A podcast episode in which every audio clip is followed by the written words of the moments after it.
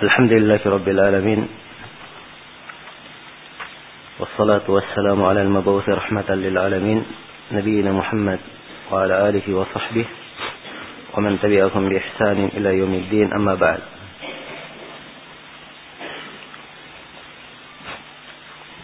Kemudian berkata Al-Imam Ash-Shawqani rahimahullahu taala dalam kelanjutan pembahasan dari kitab Ad-Durar Al-Bahiyah fil Masail Al-Fiqhiyah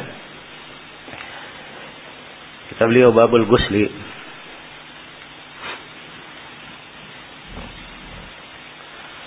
Bab Al-Ghusl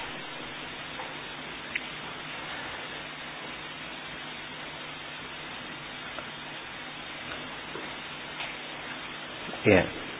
Al-ghusl di penggunaan ahli bahasa biasanya di fathah ghainnya dikatakan al-ghuslu.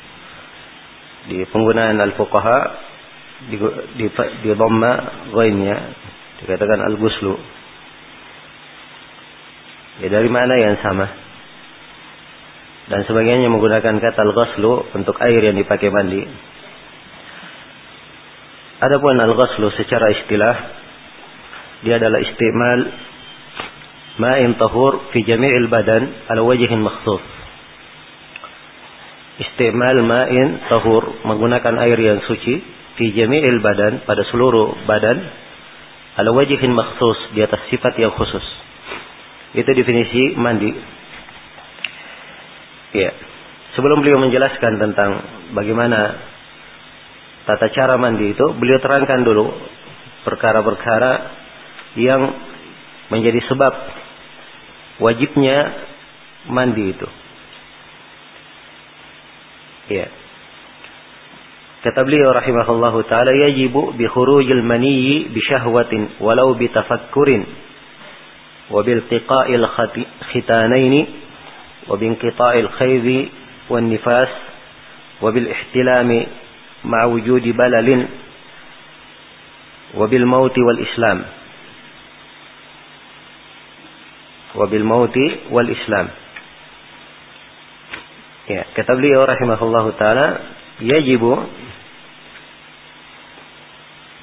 mandi itu wajib. Ya, sebab mandi junub hukumnya adalah apa? Hukumnya wajib. Wajiban mandi junub diterangkan di dalam Al-Qur'an. Allah Subhanahu wa taala berfirman, "Wa in kuntum junuban apa? Fattahharu."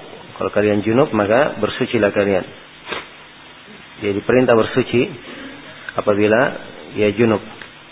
Dan juga di ayat yang lain wala junuban illa abiri sabilin hatta tagtasilu. Dan tidak boleh pula masuk ke dalam masjid orang yang junub kecuali orang yang sekedar berlalu saja sampai kalian mandi. Jadi diharuskan bagi orang yang junub diwajibkan untuk mandi. Itu dari Al-Quran dan dari hadits Rasulullah Sallallahu Alaihi Wasallam banyak hadits yang menjelaskan wajibnya mandi junub. Ya, di antaranya adalah hadits yang diriwayatkan oleh Imam Tujuh di mana Rasulullah Sallallahu Alaihi Wasallam ya diriwayatkan oleh uh, afwan diriwayatkan oleh Imam Muslim dari Abu Sa'id Al Khudri Rasulullah Sallallahu Alaihi Wasallam bersabda, "Al-ma'u minal ma'." Air itu dari air. Maksudnya air untuk mandi junub itu wajib apabila ada air mani yang keluar. Dan diriwayatkan oleh Imam Al-Bukhari dan Muslim dari hadits Abu Hurairah, Rasulullah Sallallahu Alaihi Wasallam bersabda, "Idza jalasa baina syu'abiha al-arba, thumma jahadaha, faqad wajib al-ghuslu." Apabila seorang duduk antara empat sudutnya, Ya, antara empat sudutnya ini kinayah. Apabila dia duduk antara empat sudutnya, kemudian dia bersungguh-sungguh melakukannya, ya, maka telah wajib mandi. Jadi antara empat sudutnya ini kinayah dan mengatakan artinya empat sudutnya kedua kedua kaki dan kedua tangan. Ya, dan ada yang yang membahasakan dengan uh, penjelasan yang lebih detail daripada itu.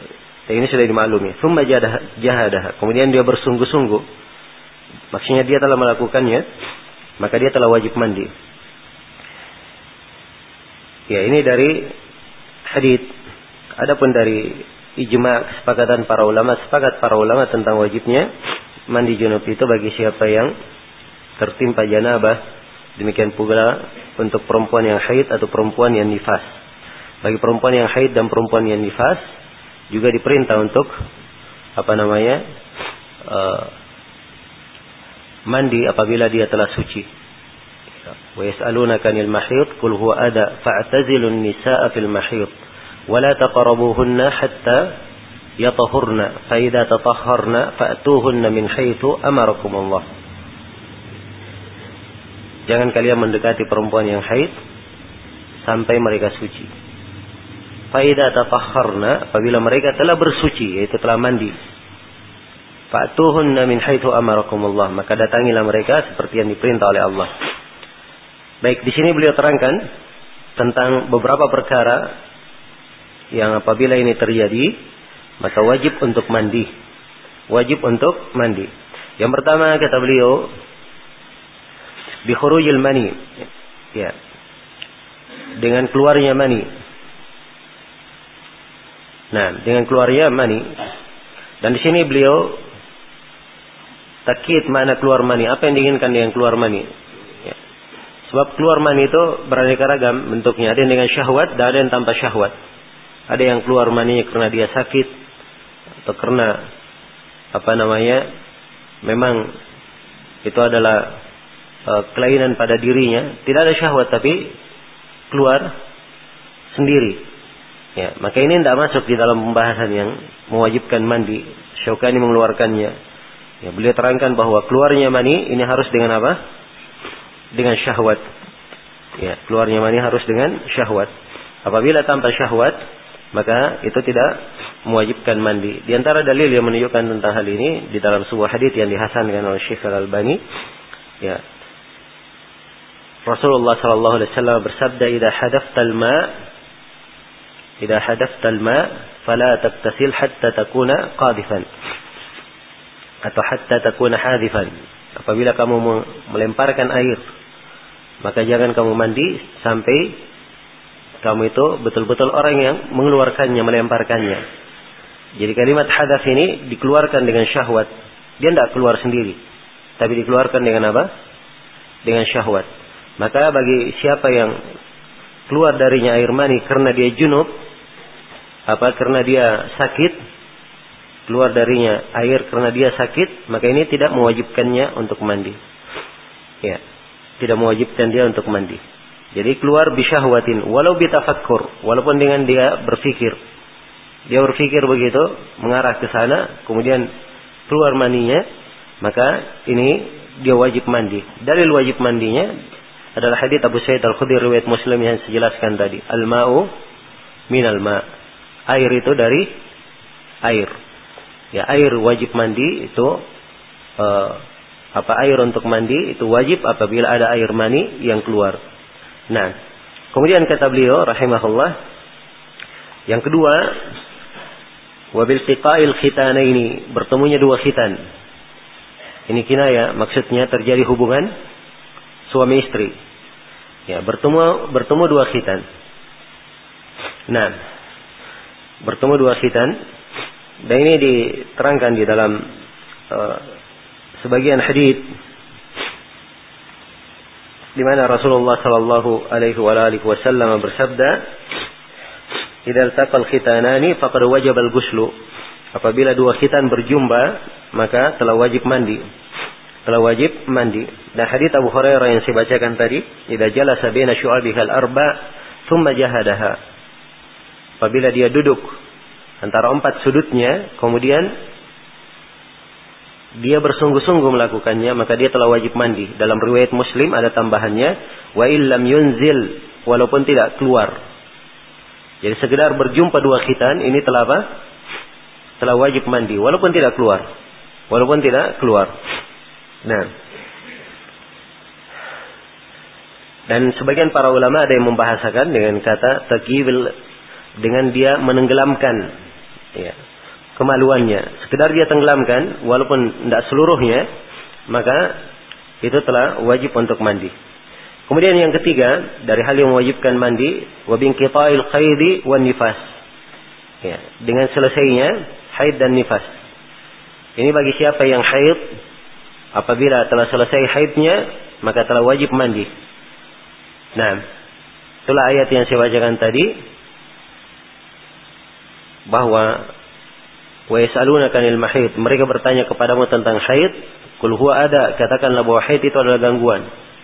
Fa'tazilun nisa'a fil mahid. Hindarilah perempuan di masa mereka haid. Wala taqrabuhunna hatta yatahurna. Jangan kalian mendekati mereka sampai mereka suci. Jadi tidak boleh mendekatinya sampai suci. Fa'idha tatahharna fa'tuhunna min haitsu amarakumullah. Kalau mereka sudah bersuci, maksudnya sudah mandi, maka datangilah seperti yang diperintah oleh Allah. Barulah boleh digauli apabila telah suci. Nah, ini haid. Adapun nifas, hukum nifas sama dengan haid. Hukum nifas sama dengan haid.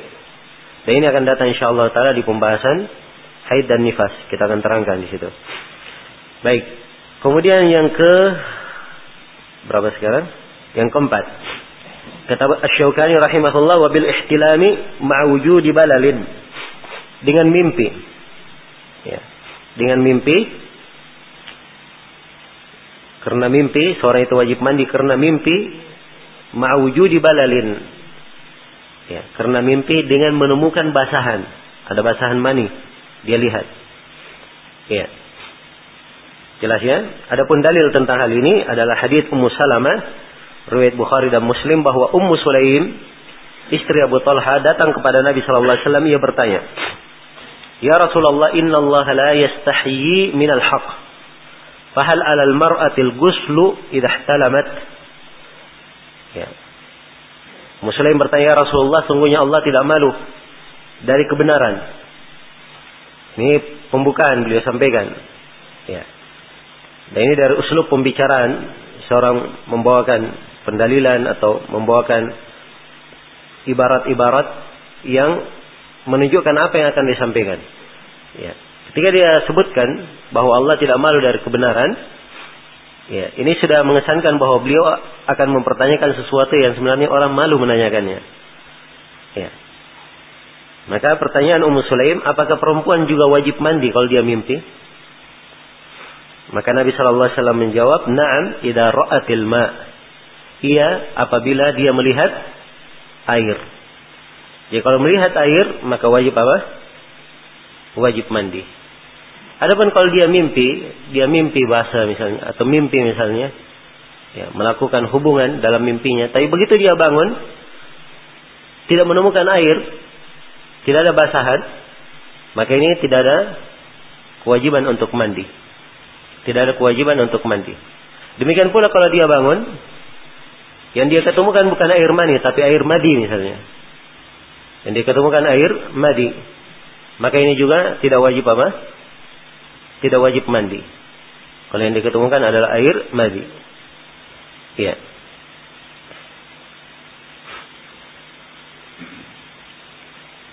Baik. Sini ada tiga jenis air diperbeda, dibedakan. Ada air mani, ada air madi, dan ada air wadi. Ini semuanya keluar dari kemaluan manusia. Ya. Yang pertama adalah air mani. Air mani adalah air yang keluar. Ya. Air yang keluar itu biasanya diiringi dengan syahwat. Walaupun saya sudah terangkan ya, kadang karena dia sakit, kadang dia keluar juga. Apabila dia keluar, biasanya setelah keluarnya diiringi dengan keletihan. Iya diiringi dengan keletihan. Sifat airnya, dia warnanya adalah warna putih, keruh, ya. Baunya agak mirip adonan roti. Kemudian tebal. Ini air apa? Air mani.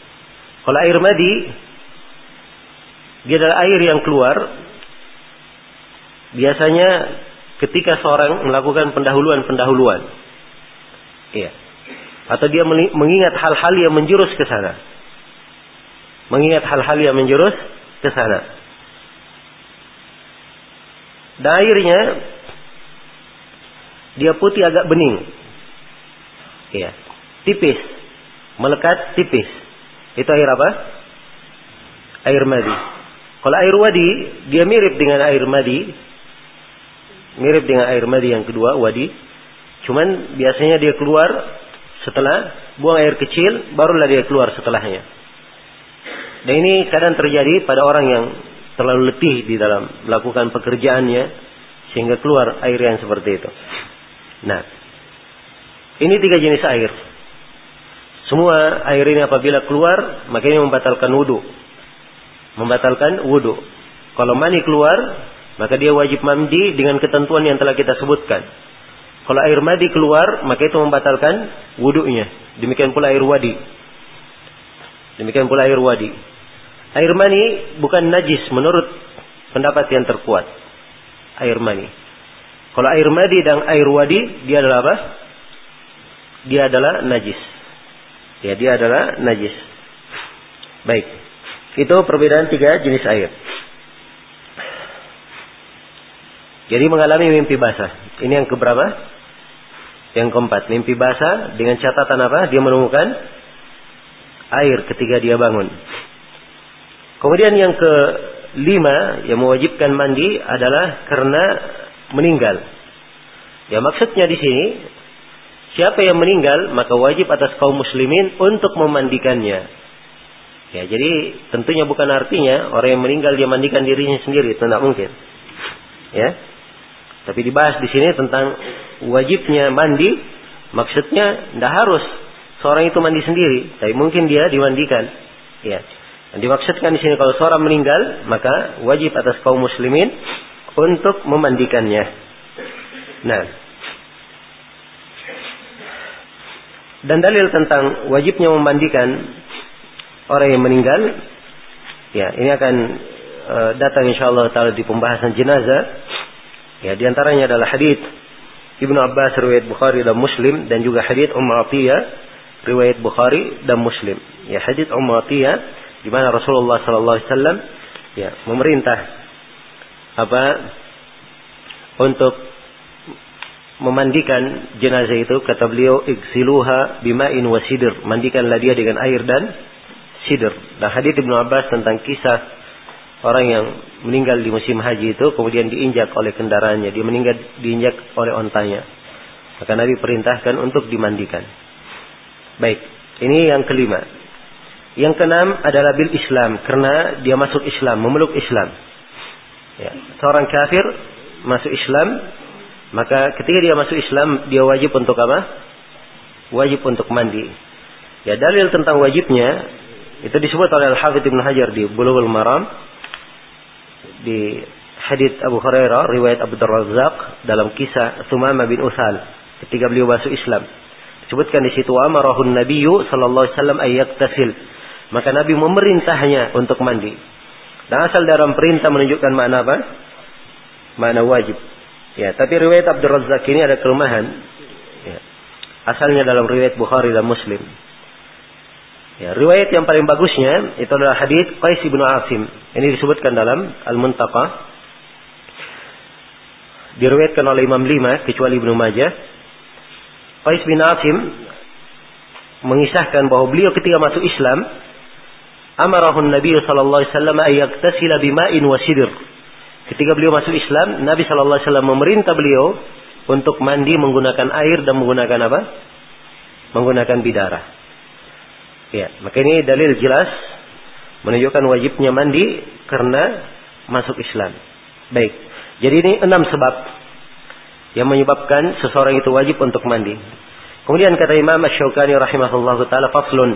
Ya, fasal ini berkaitan dengan arkanul gusli wa sunani, rukun-rukun dan sunnah-sunnah mandi. Kata Syaukani rahimahullah taala wal guslul wajibu ayyufidha al-ma'a ala jami'i badani أو ينغمس فيه مع المتمضة والاستنشاق والدلك لما يمكن دلكه ولا يكون شرعيا إلا بالنية للرفع موجبه وندب تقديم غسل أعضاء الوضوء إلا القدمين ثم التيامن Ya, di dalam uraian beliau ini kita memberikan tiga catatan untuk pembahasan. Pembahasan yang pertama tentang rukun-rukun mandi. Ya. Beliau terangkan wal guslul wajib. Al guslul wajib, mandi yang wajib itu pertama. Ya, dia ayyufidhal ma'a dia menuangkan air ala jami'i badani kepada seluruh badannya. Dia tuangkan air ke mana? Seluruh badannya. Au yang kami fihi atau dia menceburkan dirinya di dalam air. Jadi ini yang pertama ya, dituangkan air di seluruh tubuhnya. Yang kedua ma'al matmadha wal istinsyaq, dengan berkumur-kumur dan apa? Dan istinsyaq, Nah, kemudian yang ketiga wadalki lima yumkinu dalkuhu. Ya, kemudian menggosok apa yang mungkin untuk digosok. Ya. Ini tiga. Disebut oleh Syaukani. Tapi apakah seluruh hal ini disyaratkan? Iya. Jawabannya tidak seluruhnya yang disebut oleh beliau disyaratkan. Ya. Ada yang merupakan perbedaan pendapat di kalangan para ulama. Tapi yang disepakati ada dua rukun yang disepakati dalam mandi.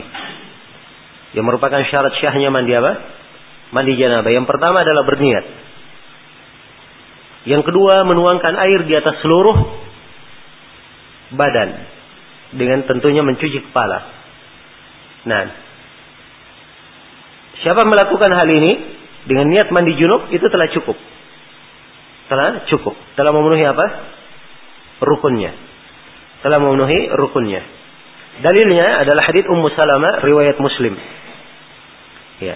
Ummu Salamah berkata, "Ya Rasulullah, inni imra'atun ashaddu sya'ra ra'si fa anquduhu li ghuslil janabah atau fil haidha dalam sebuah riwayat." Ummu Salamah bertanya, "Ya Rasulullah, saya adalah perempuan yang rambut saya terlalu lebat. Apakah saya buka rambut ini apabila saya mandi jenabah atau mandi haid?" Kata beliau, "La, tidak perlu, kata Nabi. Innama yakfiki an tahti ala ra'siki salasa hasayat. Sesungguhnya cukup bagi kamu menuangkan air di atas kepalamu tiga kali. Ya. Tiga kali apa? Tiga kali tuangan. Jadi katakan cukup menuangkan di atas kepala berapa? Tiga kali tuangan. Ya. Jadi ini batas cukupnya. Cukup dia tuangkan air di atas kepalanya, tiga kali tuangan semuanya kena tubuhnya, sudah selesai. Ya. Sudah dianggap apa? selesai mandi junubnya.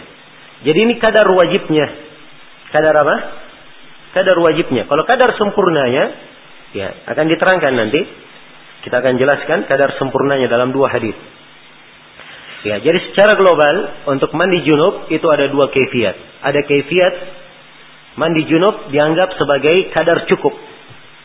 Ada kefiat mandi junub yang merupakan kadar apa? Kadar sempurna. Ya, yang paling lengkapnya. Kalau kadar cukupnya, cukup dengan berniat dan dia tuangkan air di atas seluruh tubuhnya, dia tuangkan air di atas kepalanya tiga kali dan mengenai seluruh tubuhnya, maka ini sudah cukup. Ya, karena itu Imam Syaukani bawakan pembahasan bagaimana kalau dia berendam di air. Misalnya ada air sungai, dia menceburkan dirinya di sungai dengan niat mandi janabah. Syah atau tidak? Ya, syah. Sebab dia telah membasahi seluruh tubuhnya. Sisa di sini tentang masalah kalau berkumur-kumur dan menghirup air ini akan datang nanti.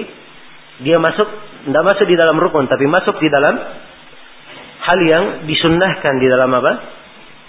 Di dalam mandi. Diterangkan di dalam hadits Aisyah dan diterangkan di dalam hadits Maimunah. Iya. Jelas ya? Nah, yang perlu kita detailkan di sini ucapan Asy-Syaukani waddal kilima yumkinu dalkuhu. Menggosok apa yang mungkin untuk digosok. Ya. Apakah disyaratkan hal ini atau tidak? Ya dimaklumi ya sesuatu itu kadang disirami, disirami di atasnya itu sudah dikatakan dimandikan. Ya. Walaupun dia tidak digosok. Jelas ya? Tapi Asy-Syaukani rahimahullah, beliau mempunyai pandangan ya, bahwa sekedar membasahi baju, membasahi badan tanpa digosok itu tidak dianggap mandi. Ya. Menurut beliau tidak dianggap mandi. Dan beliau berdalilkan hal tersebut dari apa yang dipahami dari penggunaan bahasa Arab. Dan beliau juga memahami dari hadis di mana Nabi Shallallahu Alaihi Wasallam ya di dalam hadis tentang apa namanya mencuci kencing bayi, ya. Jadi ketika apa namanya anak bayi itu kencing di pangkuan Nabi Shallallahu Alaihi Wasallam, maka disebutkan atbahu alma. Maka Nabi Shallallahu Alaihi Wasallam menyiramkan air padanya, walam yagsilhu dan beliau tidak mencucinya. Jadi hanya disirami tidak dicuci. Berarti tidak dicuci artinya tidak di apa? Tidak digosok. Ya. Karena itu Imam Syaukani berpendapat bahwa yang namanya mandi itu harus dengan digosok. Karena itu beliau bawakan di sini sebagai ketentuan. Jelas ya? Baik. Jadi selesai sudah penjelasan kefiat mandi dengan cara yang cukup. Ya, al-guslul mujizi. Jelas ya? Adapun al-guslul kamil, mandi yang sempurna, itu diterangkan di dalam dua hadis. Diterangkan di dalam dua hadis. Hadis yang pertama adalah hadis Aisyah radhiyallahu taala anha, riwayat Bukhari dan Muslim. Ya. Sebutkan oleh Aisyah kana Nabi sallallahu alaihi wasallam idza tasala min al-janabah ghasala yadayhi.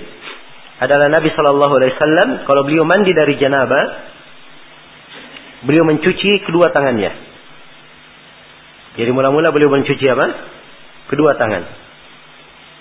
Thumma tawadda'a wudu'ahu lis-shalah. Kemudian beliau berwudu untuk wudunya. Beliau berwudu dengan wudu untuk salat. Ya, jadi kalau dikatakan berwudu dengan wudu untuk salat berarti wudunya wudu apa? Wudu sempurna dari mencuci tangan sampai mencuci kaki. Nah, kemudian kata beliau thumma kemudian beliau mandi. Kemudian beliau mandi. Wa yukhallilu biyadaihi sya'arah. Dan beliau menyela-nyelai rambutnya dengan kedua tangannya. Ya. Hatta dhanna annahu qad arwa basyaratah. Jadi mulai mandi dirinci bagaimana mandinya. Pertama beliau mulai dengan menyela-nyelai apa? Rambutnya. Sampai ketika beliau menyangka bahwa rambut ini sudah kulit rambut sudah apa namanya basah semuanya dengan air, afadha alaihi al-ma'a thalatha marrat. Beliau tuangkan di atas kepalanya tiga kali. Di dalam riwayat Bukhari dan Muslim yang lainnya dari hadits Aisyah juga ya disebutkan bagaimana kefiat tuangannya. Diambil tiga kali tuangan. Tuangan yang pertama di sebelah kanannya dulu, tuangan yang kedua di sebelah kirinya, kepala sebelah kiri, dan tuangan yang ketiga di kepala di, di seluruh kepalanya. Tiga kali tuangan. Thumma ghasala sa'ira jasadih. Kemudian beliau mencuci seluruh jasadnya. Ya. Jadi ini kefiat mandi dalam hadis Aisyah. Ya, globalnya, saya ulangi kesimpulannya. Yang pertama, dia mengambil air. Ya, kemudian mencuci apa? Cuci tangan. Setelah mencuci tangan, ya, berudu dengan wudu apa? Wudu sempurna. Dari mencuci tangan sampai mencuci kaki. Seperti kalau dia berudu untuk sholat. Ya. Setelah itu dia mengambil air, dia selesai rambutnya.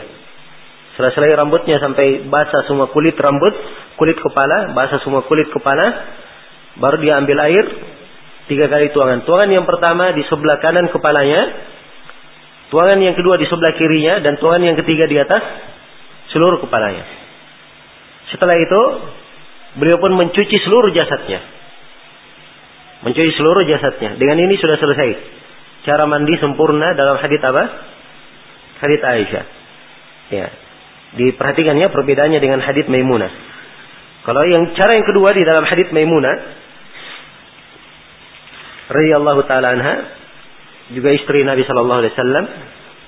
Ya. Beliau mengisahkan bagaimana Nabi sallallahu alaihi wasallam itu mandi janabah. Diletakkan untuk beliau wudu al janabah, air untuk mandi janabah. Yang pertama fa'akfa biyaminihi ala sa'iri ala yasarihi marrataini aw salasan.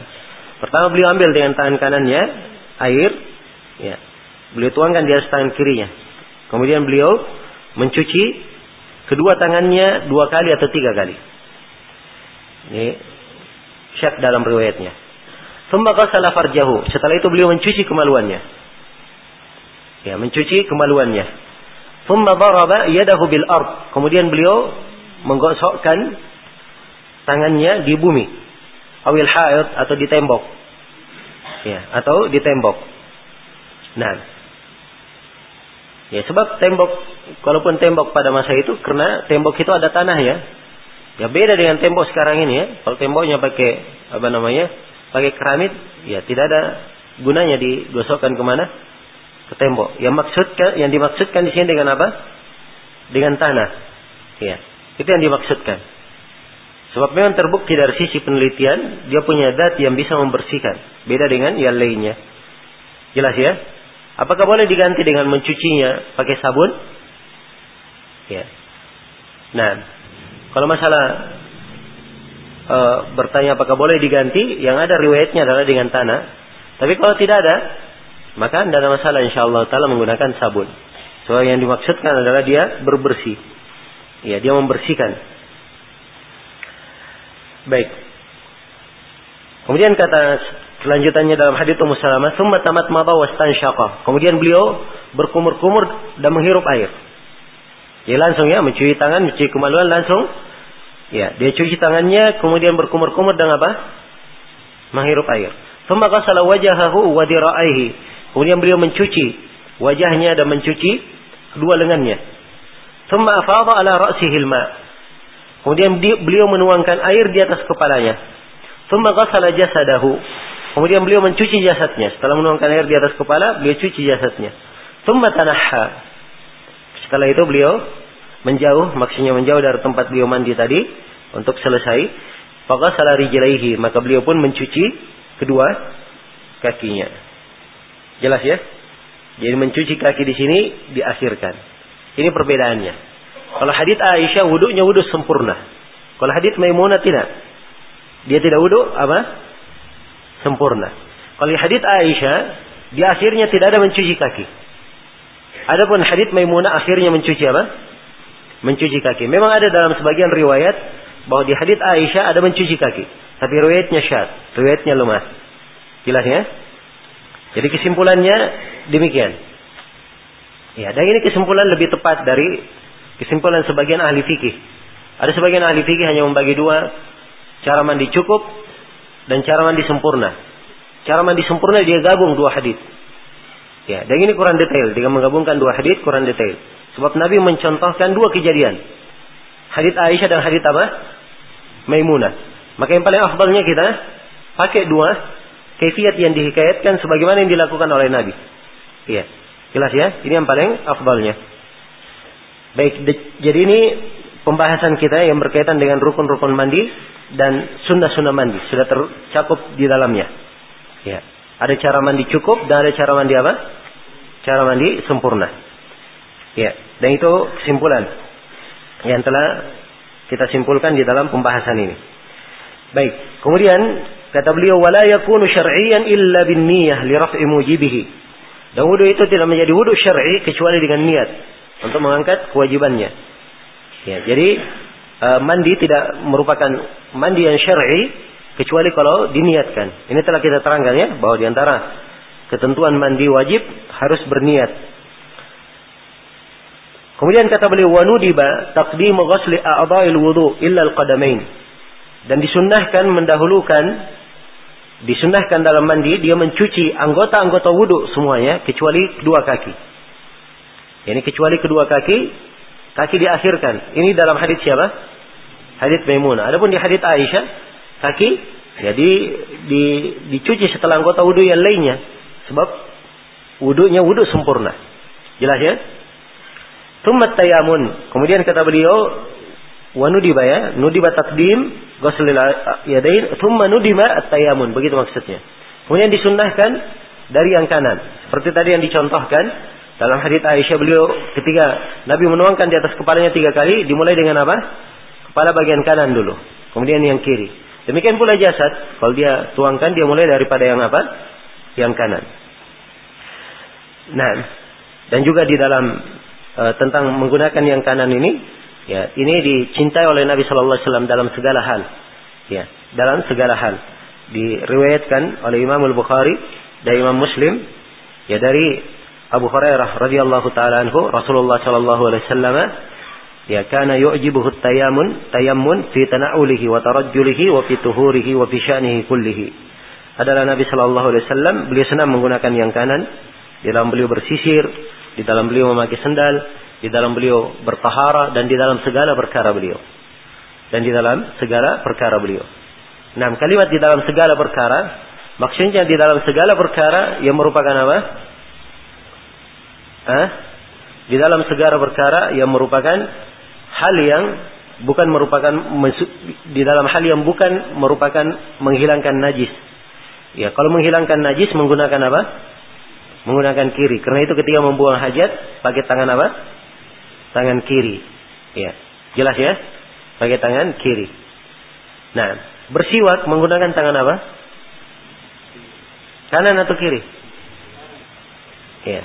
Ini dua pendapat di kalangan ahli fikih. Ada yang mengatakan kanan, mereka pakai menganggap bahwa bersiwak ini kebaikan. Maka dia dihitung pakai tangan kanan. Ada yang mengatakan bahwa bersiwak adalah menghilangkan kotoran. Maka dia memakai tangan apa? Tangan kiri. Ya, dikompromikan oleh Syekh Ibn Utsaimin. Kata beliau kalau dia ya mulutnya tidak tidak tidak banyak kotorannya, dia bersiwak untuk melaksanakan sunnah setiap kali sholat, maka dia pakai tangan kanan. Sebab di situ mimbabit tatayyuk. Karena dia apa e, dari bab dia member, apa namanya mengharumkan dirinya, memperbaik dirinya. Tapi kalau dia membersihkan giginya karena ada kotorannya, maka dia menggunakan tangan kiri. Sebab itu mimbab izalah al khabah dari bab menghilangkan sesuatu yang jelek. Jelas ya? Baik. Kemudian kata beliau rahimahullah,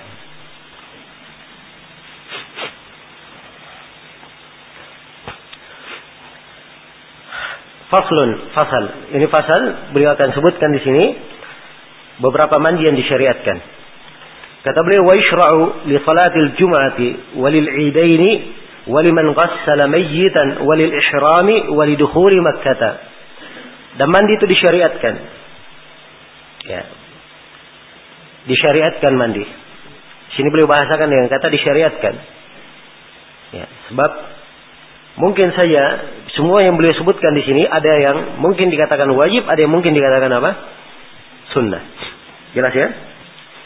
Nah, bagi siapa yang memandang bahwa mandi wajib adalah wajib, eh, mandi Jumat adalah wajib, bagi siapa yang berpendapat bahwa mandi Jumat adalah wajib, maka ya, yushra bermana wajib. Bagi siapa yang berpendapat hukumnya adalah sunnah, maka yushra bermana sunnianya. Ini kalimat syariat. Disyariatkan, ya, apakah dia wajib atau apa? Sunnah. Ya perhatikan ya kalimat-kalimat fuqaha itu detail dalam membahasakan kata. Kalau dikatakan yusra, jangan dipahami diwajibkan. Ya, jelas ya? Baik. Kata beliau disyariatkan. Jadi lima jenis mandi di sini disebutkan oleh Imam Syaukani. Yang pertama adalah mandi Jumat. Syariatkan mandi untuk salat Jumat. Ya, dalilnya adalah hadits Abu Sa'id Al-Khudri riwayat Imam 7. Guslu yaumul jum'ati wajibun ala kulli muhtalim. Mandi hari Jumat adalah wajib atas setiap orang yang apa? Telah bermimpi, maksudnya telah balik. Iya.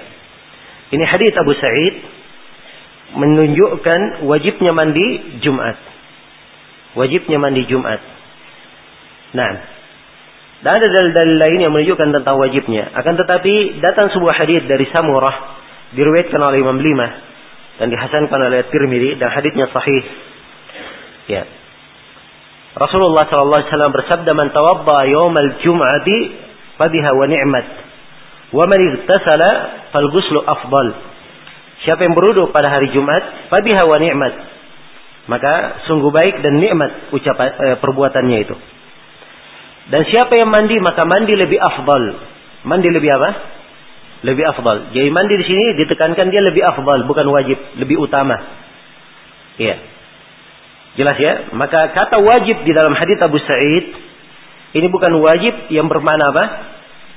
Bukan wajib yang bermakna berdosa apabila ditinggalkan, tapi wajib di sini bermakna sesuatu yang sangat ditekankan. Sesuatu yang sangat ditekankan. Atau dia wajib dalam kondisi tertentu. Ya. Kenapa disyariatkan mandi Jumat? Ya. Karena ini adalah tempat-tempat berkumpulnya manusia. Tempat berkumpulnya manusia. Karena itu akan datang di Id juga disyariatkan. Ketika ihram juga disyariatkan. Ya. Ketika berjalan dari Miqat, dia syariatkan mandi. Ketika masuk Mekah, disyariatkan juga untuk mandi. Sebab ini tempat berkumpulnya banyak manusia. Ya. Maka tidak baik berkumpul dengan banyak manusia dia membawa bau yang kurang apa?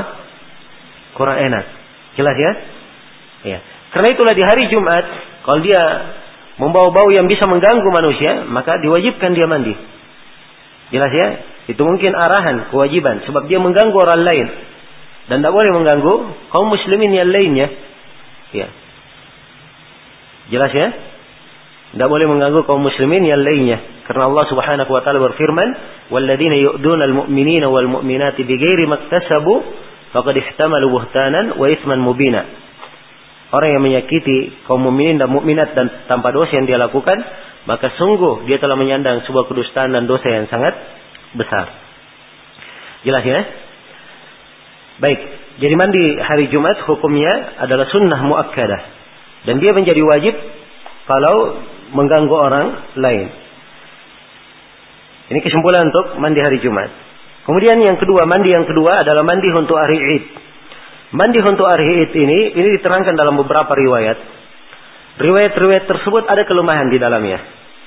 Tapi insya Allah Ta'ala, ya, kalau dilihat riwayat-riwayat itu dari seluruh jalan-jalannya, riwayat-riwayat itu bisa dikuatkan dan dihasankan. Sehingga bisa dipakai sebagai dalil. Karena itu kita simpulkan bahwa mandi untuk dua Id, Idul Fitri dan Idul Adha hukumnya adalah sunnah. Dia adalah hal yang disunnahkan. Kemudian yang ketiga, waliman ghassala mayyitan. Ya, mandi karena memandikan jenazah. Dia mandi karena memandikan apa? Jenazah. Ya. Adapun mandi karena memandikan jenazah, ini diterangkan di dalam ya sebagian riwayat dari hadis Abu Hurairah dikeluarkan oleh Imam Lima kecuali Ibnu Majah atau dikeluarkan oleh Imam Lima ya. Nabi sallallahu alaihi wasallam bersabda, "Man ghassala mayyitan falyabtasil wa man hamalahu falyatawadda." Siapa yang memandikan mayit, maka hendaknya dia mandi. Dan siapa yang menyandangnya, maka hendaknya dia apa? Hendaknya dia beruduk. Ini hadis yang dijadikan sebagai dalil. Oleh orang mengatakan wajib mandi bagi siapa yang memandikan apa? Jenazah. Tapi hadis ini adalah hadis yang oleh para a'immah terdahulu adalah hadis yang dikritik dan dilemahkan. Ya, dilemahkan oleh Ali bin Al-Madini, dilemahkan oleh Muhammad bin Yahya Ad-Duhli, dilemahkan oleh Ahmad bin Hanbal, dilemahkan oleh Imam Al-Bukhari dari seluruh jalan-jalannya. Tidak ada yang kuat dalam hadis ini. Jelas ya? Karena itu mengatakan wajib ini tidak ada dalil yang kuat menunjukkannya. Kalau dikatakan boleh saja, ya bagi siapa yang ingin mandi, ya maka insya Allah taala itu tidak ada masalah. Sebab memang telah datang dari Ibnu Umar radhiyallahu taala anhu dengan sanad yang sahih, sanadnya disahihkan oleh Ibnu Hajar dan disahihkan oleh Syekh Al Albani, ya bahwa Ibnu Umar berkata, "Kunna nugassilul mayyit, faminna may yaghtasil wa minna man la yaghtasil." Kata Ibnu Umar, kami memandikan mayit Maksudnya kami, beliau para sahabat di masa Nabi Wasallam, kami memandikan mayit, maka setelah memandikan di antara kami ada yang mandi dan di antara kami ada yang tidak mandi. Ya, jelas ya. Jadi bagi siapa yang mandi silahkan, bagi yang tidak mandi tidak apa-apa. Mengatakan wajib tidak, tapi kalau mengatakan sunnah mungkin saja dikatakan sunnah bagi siapa yang ingin mandi. Baik, Kemudian yang keempat dari mandi yang disyariatkan adalah mandi ihram. Kata beliau walil ihram, mandi untuk ihram. Iya. Adapun mandi tentang ihram ini diterangkan di dalam hadis Zaid bin Thabit dikeluarkan oleh Imam Tirmidzi dan selainnya. Ya, dan hadis ini dihasankan oleh Syekh Al Albani rahimahullahu taala dari seluruh jalan-jalannya. Nah, Zaid bin Thabit melihat Nabi Shallallahu Alaihi Wasallam tajarrada li ihlalihi waktasal. Ya beliau tajarrad li ihlalihi. Beliau melepaskan bajunya, kemudian beliau mandi. Ya beliau mandi untuk ihramnya, untuk ihram beliau. Jelas ya? Ini dalil yang dipakai dalam masalah ini. Kemudian untuk masuk Mekah, dalilnya adalah hadits Ibnu Umar. Ya, dalilnya adalah hadits Ibnu Umar yang diriwayatkan oleh Imam Muslim. Datang juga dalam riwayat Imam Al-Bukhari ya dengan konteks yang lainnya. Ya boleh saja kalau dari sisi keseluruhan dikatakan riwayat Bukhari dan riwayat Muslim. Nabi Shallallahu Alaihi Wasallam ketika beliau bermalam di di, di, di tua tempat sebelum Mekah, ya di waktu pagi beliau mandi. Setelah itu beliau masuk Mekah di siang hari. Nah, ini dalil yang dipakai untuk mandi apa? Mandi ketika masuk Mekah. Baik selesai sudah pembahasan tentang apa? Tentang mandi. Ya. Kemudian berikutnya kata Imam Syukani rahimahullah bab tayammum. Bab tentang tayammum. Kata beliau istabahu bihi ma yustabahu bil wudu'i wal gusli liman la yajidul ma'a aw khashiya ad-darara min istimalihi thumma al-kaffan yamsahuhuma marratan wahidatan bi darbatin wahidah nawiyan musammiya wa nawaqiduhu nawaqidul wudu. Kata beliau Ya di, di dalam uraian beliau ini ada empat pembahasan yang kita garis bawahi. Yang pertama tentang syariat tayamum. Ya, tayamum secara bahasa adalah al-qasd. At-tayammum secara bahasa adalah apa? Al-qasdu. Ya, sebagaimana dalam firman Allah Subhanahu wa taala, "Wala tayammamul khabitha minhu." Ya. Nah. Dan janganlah kalian sengaja memilih yang jelek darinya. Disebut pakai kalimat tayamum. Jangan kalian bertayamum memilih yang jelek untuk kalian infakkan. Ya kalau berinfak jangan sengaja memilih yang jelek, tapi pilihlah yang apa? Yang pertengahan. Kalau dia memilih yang terbaiknya maka itu lebih afdal. Yang lebih afdal. Jelas ya? Jadi dibahasakan wala tayammamu. Maksudnya jangan kalian sengaja memaksudkan. Ya, karena itu at-tayammum dari sisi bahasa artinya adalah apa? Al-qasdu. Artinya adalah al-qasd. Ya. Adapun secara istilah secara istilah Ya. Tayammum adalah at-ta'abbudu lillahi ta'ala. Ya. Liqasdi as-sa'id at-tayyib limashil wajhi wal kaffaini. Beribadah kepada Allah dengan sengaja mengambil tanah yang baik untuk mengusap muka dan kedua tangannya. Dan disebut dengan nama apa? Tayammum. Jadi tayammum secara istilah at-ta'abbudu lillahi ta'ala beribadah kepada Allah taala liqasdis sa'idit tayyib dengan sengaja mengambil sa'id yang baik. Permukaan bumi tanah maupun selainnya yang baik. Limashi alwajhi wal kaffaini atau wal yadaini untuk mencuci atau untuk mengusap muka dan apa? Kedua telapak tangan. Ya. Itu definisi tayamum. Tayamum adalah hal yang disyariatkan. Hal yang disyariatkan. Syariatnya dalam dua ayat Al-Quran. Di surah Nisa dan surah Al-Ma'idah. Falam tajidu ma'an fatayammamu. Apa? Fa'idan tayyiba. Kalian tidak menemukan air maka bertayamumlah dengan fa'id yang baik. Disebut di dalam ayat fa'idan.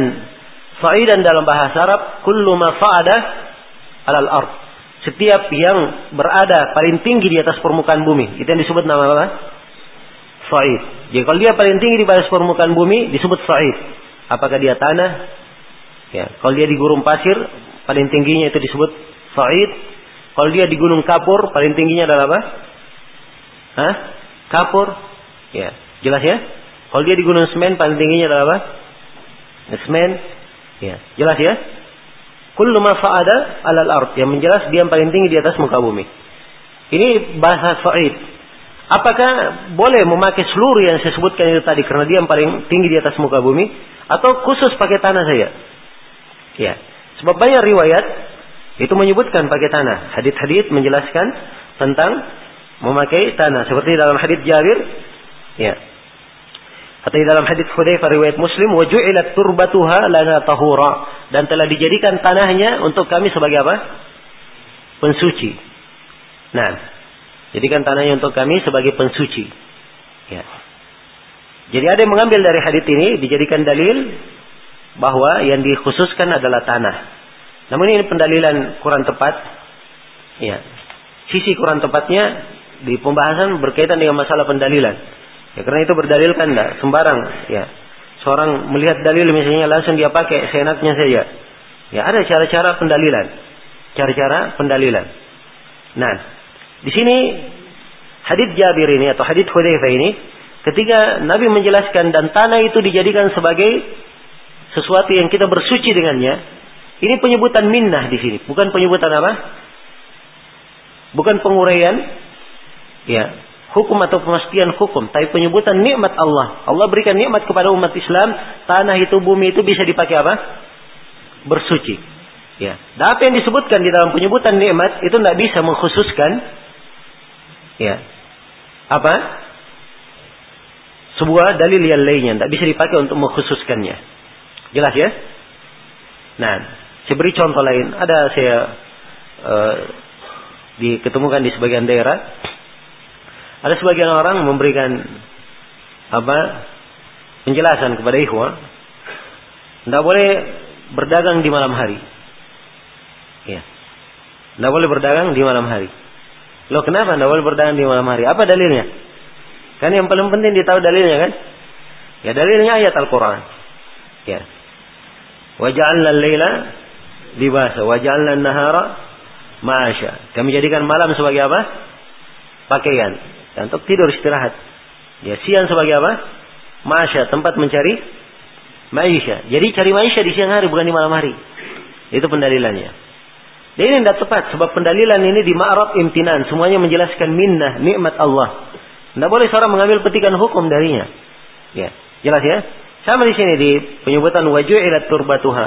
Ini diterangkan bahwa tanah itu bisa dipakai bersuci dan itu nikmat Allah.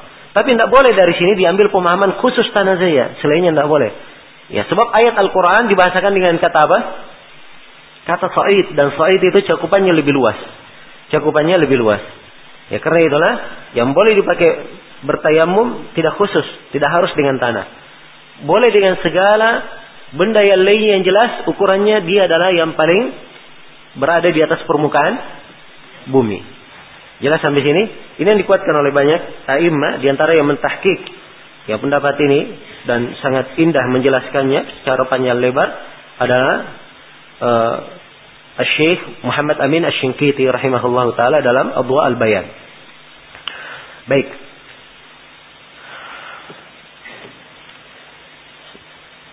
Selesai ya, kita jelaskan tentang syariat bertayamum. Ya, syariat bertayamum. Itu dari ayat, adapun hadis, hadis juga juga telah kita terangkan dan sepakat para ulama bahwa tayamum adalah hal yang disyariatkan apabila tidak ada air.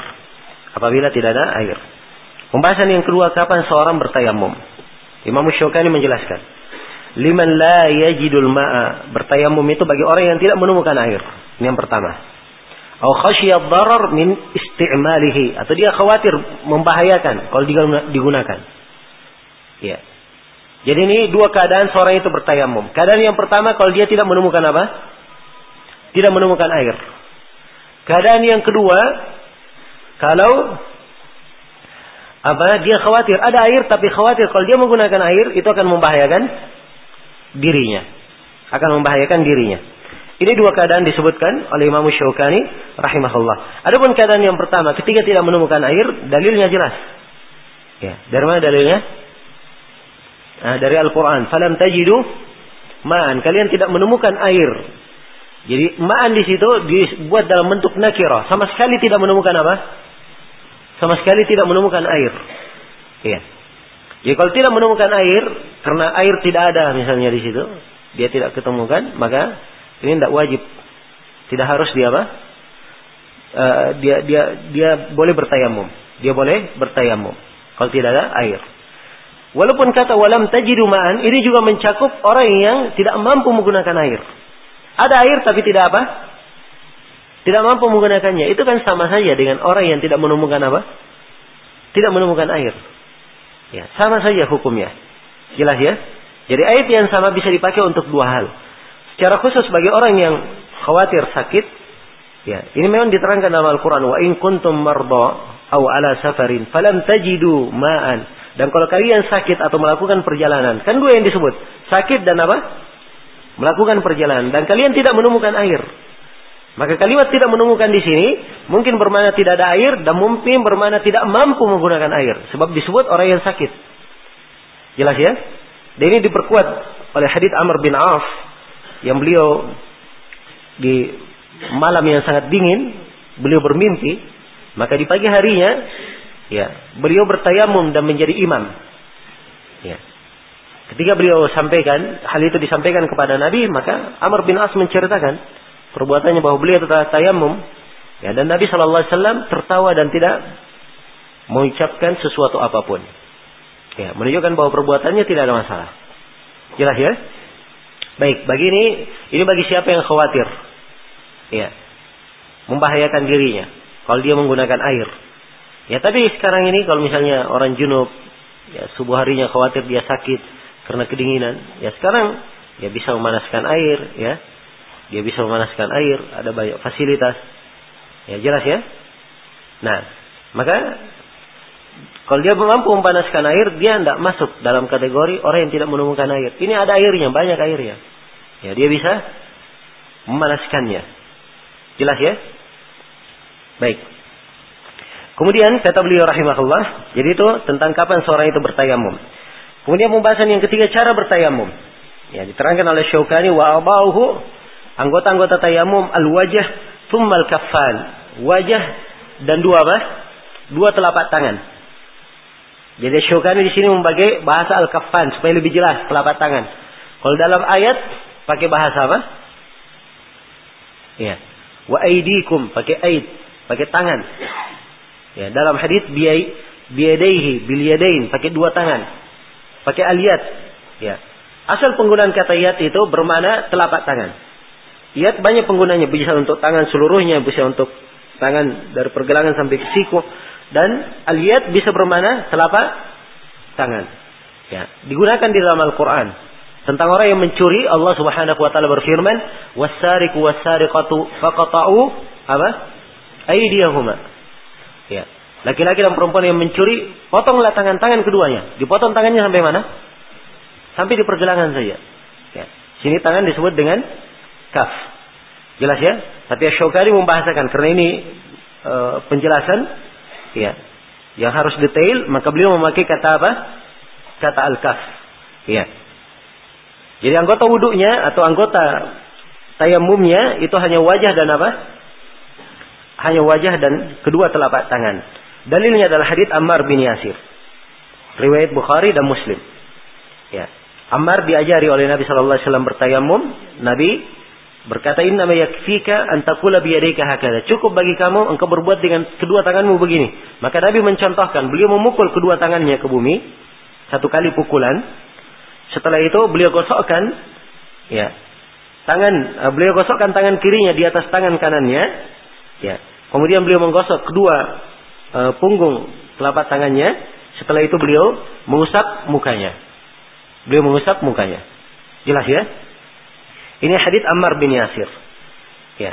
Di dalam riwayat yang lain, ya, di, di, dipukulkan ke bumi, ini syariat memukulkan ke bumi ya disunnahkan. Ya. Kemudian wanafakha kemudian Nabi meniup pada apa? Pada kedua telapak tangannya. Ya, di riwayat yang lain beliau menepukkan antara keduanya. Jadi debunya boleh jatuh. Ya, bukan dipukulkan sampai hilang semua debunya enggak. Tapi apa? Masih melekat sedikit debu. Setelah melekat sedikit debu, beliau mengusap mukanya, kemudian telapak tangannya, kedua telapak tangannya. Ya, ini dua riwayat ya dari hadits Ammar. Yang pertama telapak tangan kemudian muka, yang kedua muka kemudian apa? Telapak tangan. Ya, yang benar yang mana? Hah? Ya, dua-duanya boleh. Jelas ya? Dua-duanya boleh. Ini menunjukkan ada keluasan. Ya. Boleh muka dulu kemudian telapak tangan dan boleh telapak tangan dulu baru? Baru muka. Dan ingat ya, di sini pembahasannya mengusap dan mengusap itu tidak harus apa? Tidak harus kena semuanya. Jadi tidak harus dia giningkan matanya misalnya. Ya. Tidak harus dia selai-selai jarinya. Ya. Jelas ya? Ini khusus untuk pembahasan tayamum, khusus dalam kefiatnya khusus. Ya.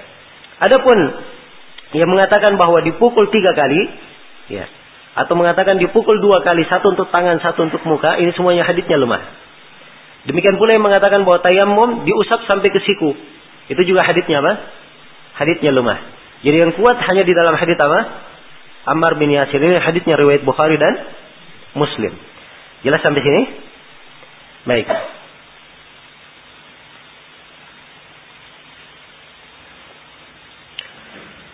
Kemudian kata beliau rahimahullah, jadi selesai ya pembahasan tentang tayamum.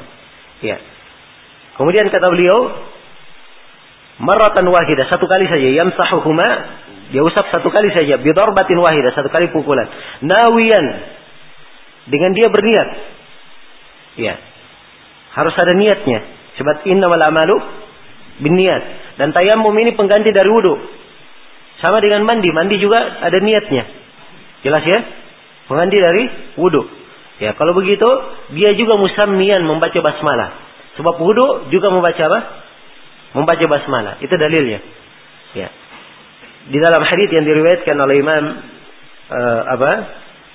Al-Bazzar ya, dari Abu Hurairah radhiyallahu taala anhu dan Imam Tirmidzi juga meriwayatkan dari hadis Abu Dar. Dua hadis ini memang ada kelemahan pada sanatnya tapi kalau dilihat dua jalan bisa dikuatkan dan dihasankan. Nabi Shallallahu Alaihi Wasallam bersabda, "As-saidu wudu'ul muslim, wa illam yajidil ma'a asyara sinin." Ya. As-said tanah itu adalah wudu'nya seorang muslim. Jadi tayamum dianggap apa? Wudu'nya seorang muslim. Kalau dia wudu'nya seorang muslim, asalnya hukum-hukumnya sama dengan apa? Dengan wudu. Ya, kecuali apa yang diterangkan oleh dalil dibedakan. Ya, itulah tadi pembedaan mencuci anggota wudunya sudah diterangkan. Tapi masalah niat, Masalah membaca basmalahnya ini asalnya apa? Asalnya sama dengan wudhu. Sebab dia adalah pengganti wudhu. Jelas ya? Nah, walaupun dia tidak menemukan air 10 tahun. Ya. Faidah wajah dan ma falyattaqillah. Kalau dia dapatkan air, hendaknya dia bertakwa kepada Allah. Wal yumissahu basyaratah. Dan hendaknya dia basahi apa? Kulitnya. Nah, ini kalau dia dapat air. Ya, karena itu bagi siapa yang tayamum, begitu dia tayamum, ya, tiba-tiba dia baru mau takbiratul ihram, Allahu akbar dengar air mengalir. Ya, maka dia harus batalkan.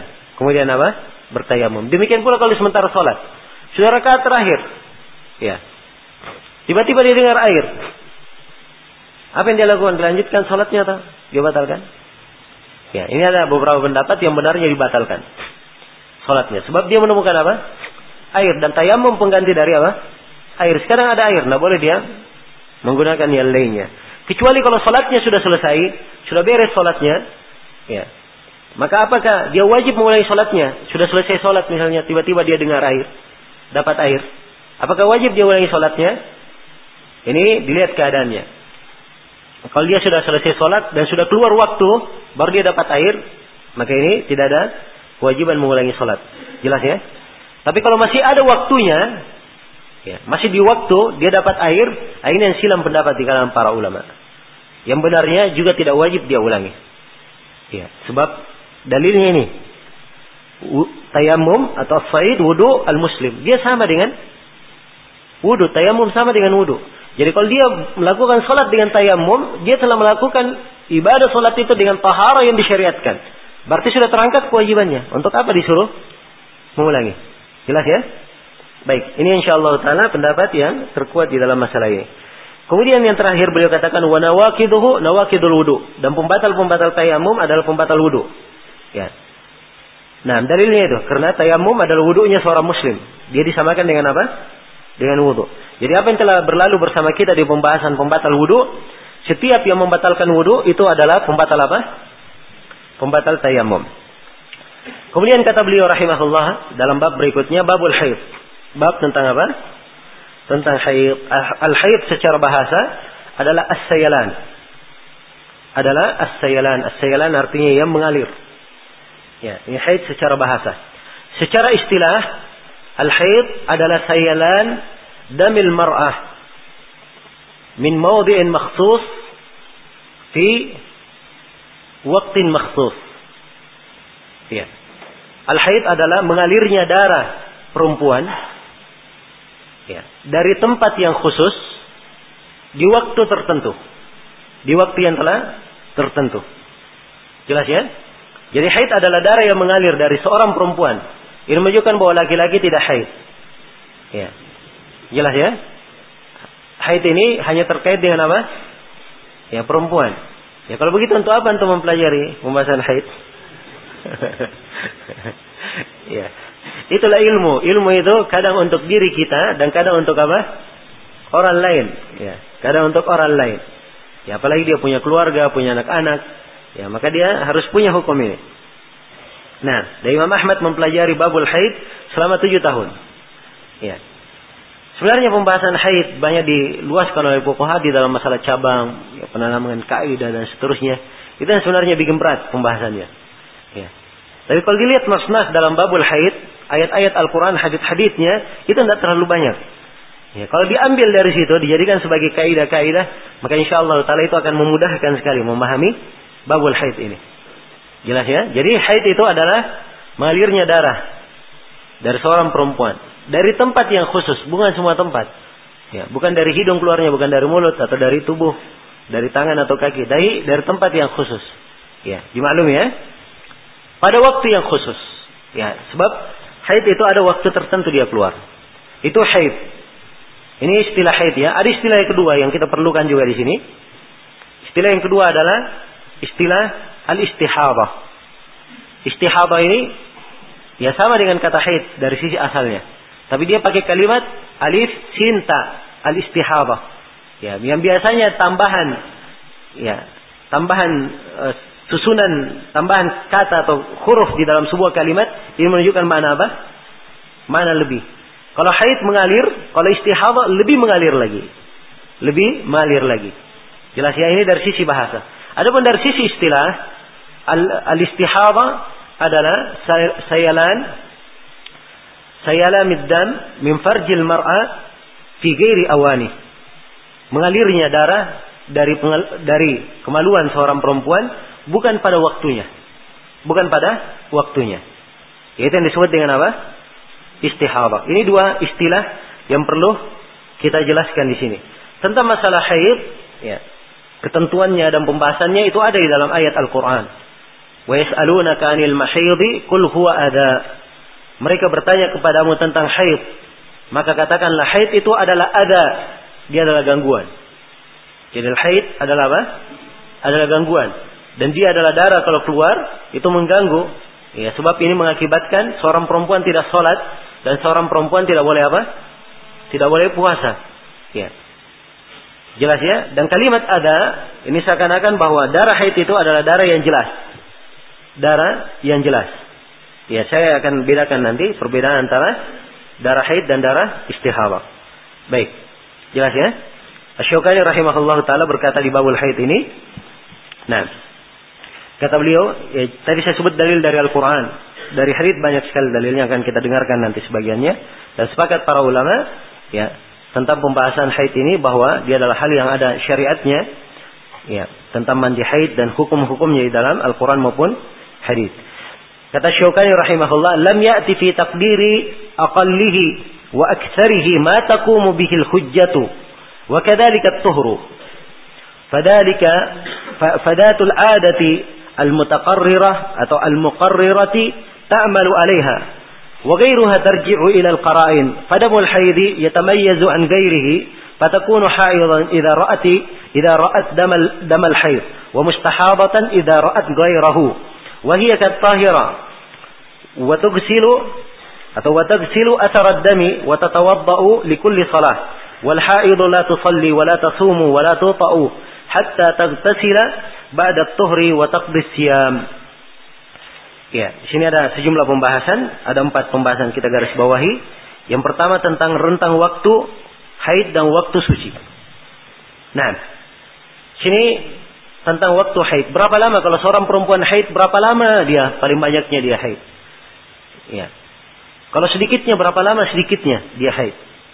Demikian pula lama sucinya. Ya, seorang suci masa sucinya berapa lama? Ya, apakah 20 hari atau 25 hari dan seterusnya? Jelas ya? Nah, di sini Asy-Syaukani telah menanamkan kaidah. Kata beliau, "Lam ya'ti fi taqdiri aqallihi wa aktsarihi ma taqumu bihil hujjah." Tidak ada dalil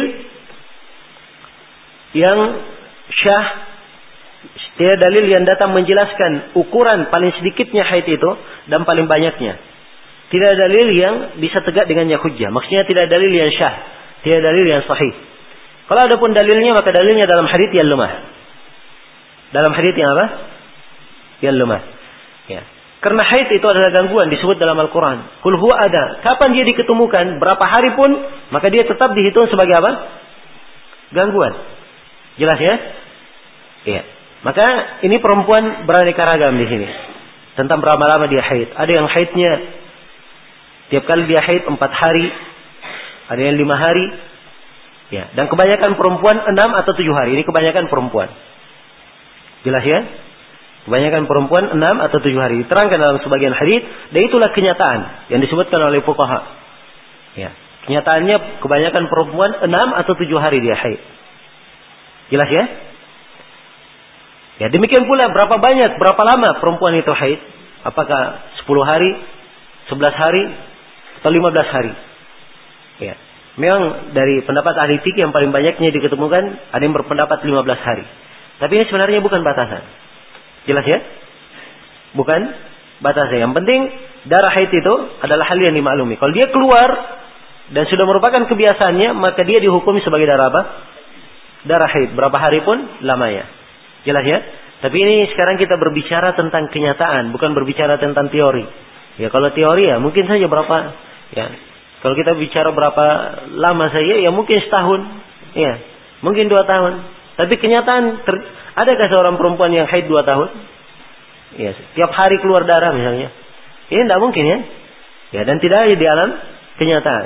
Karena tadi saya katakan kebanyakan dari pendapat ahli fikih ada yang mengatakan 15 hari. Itu kebanyakan.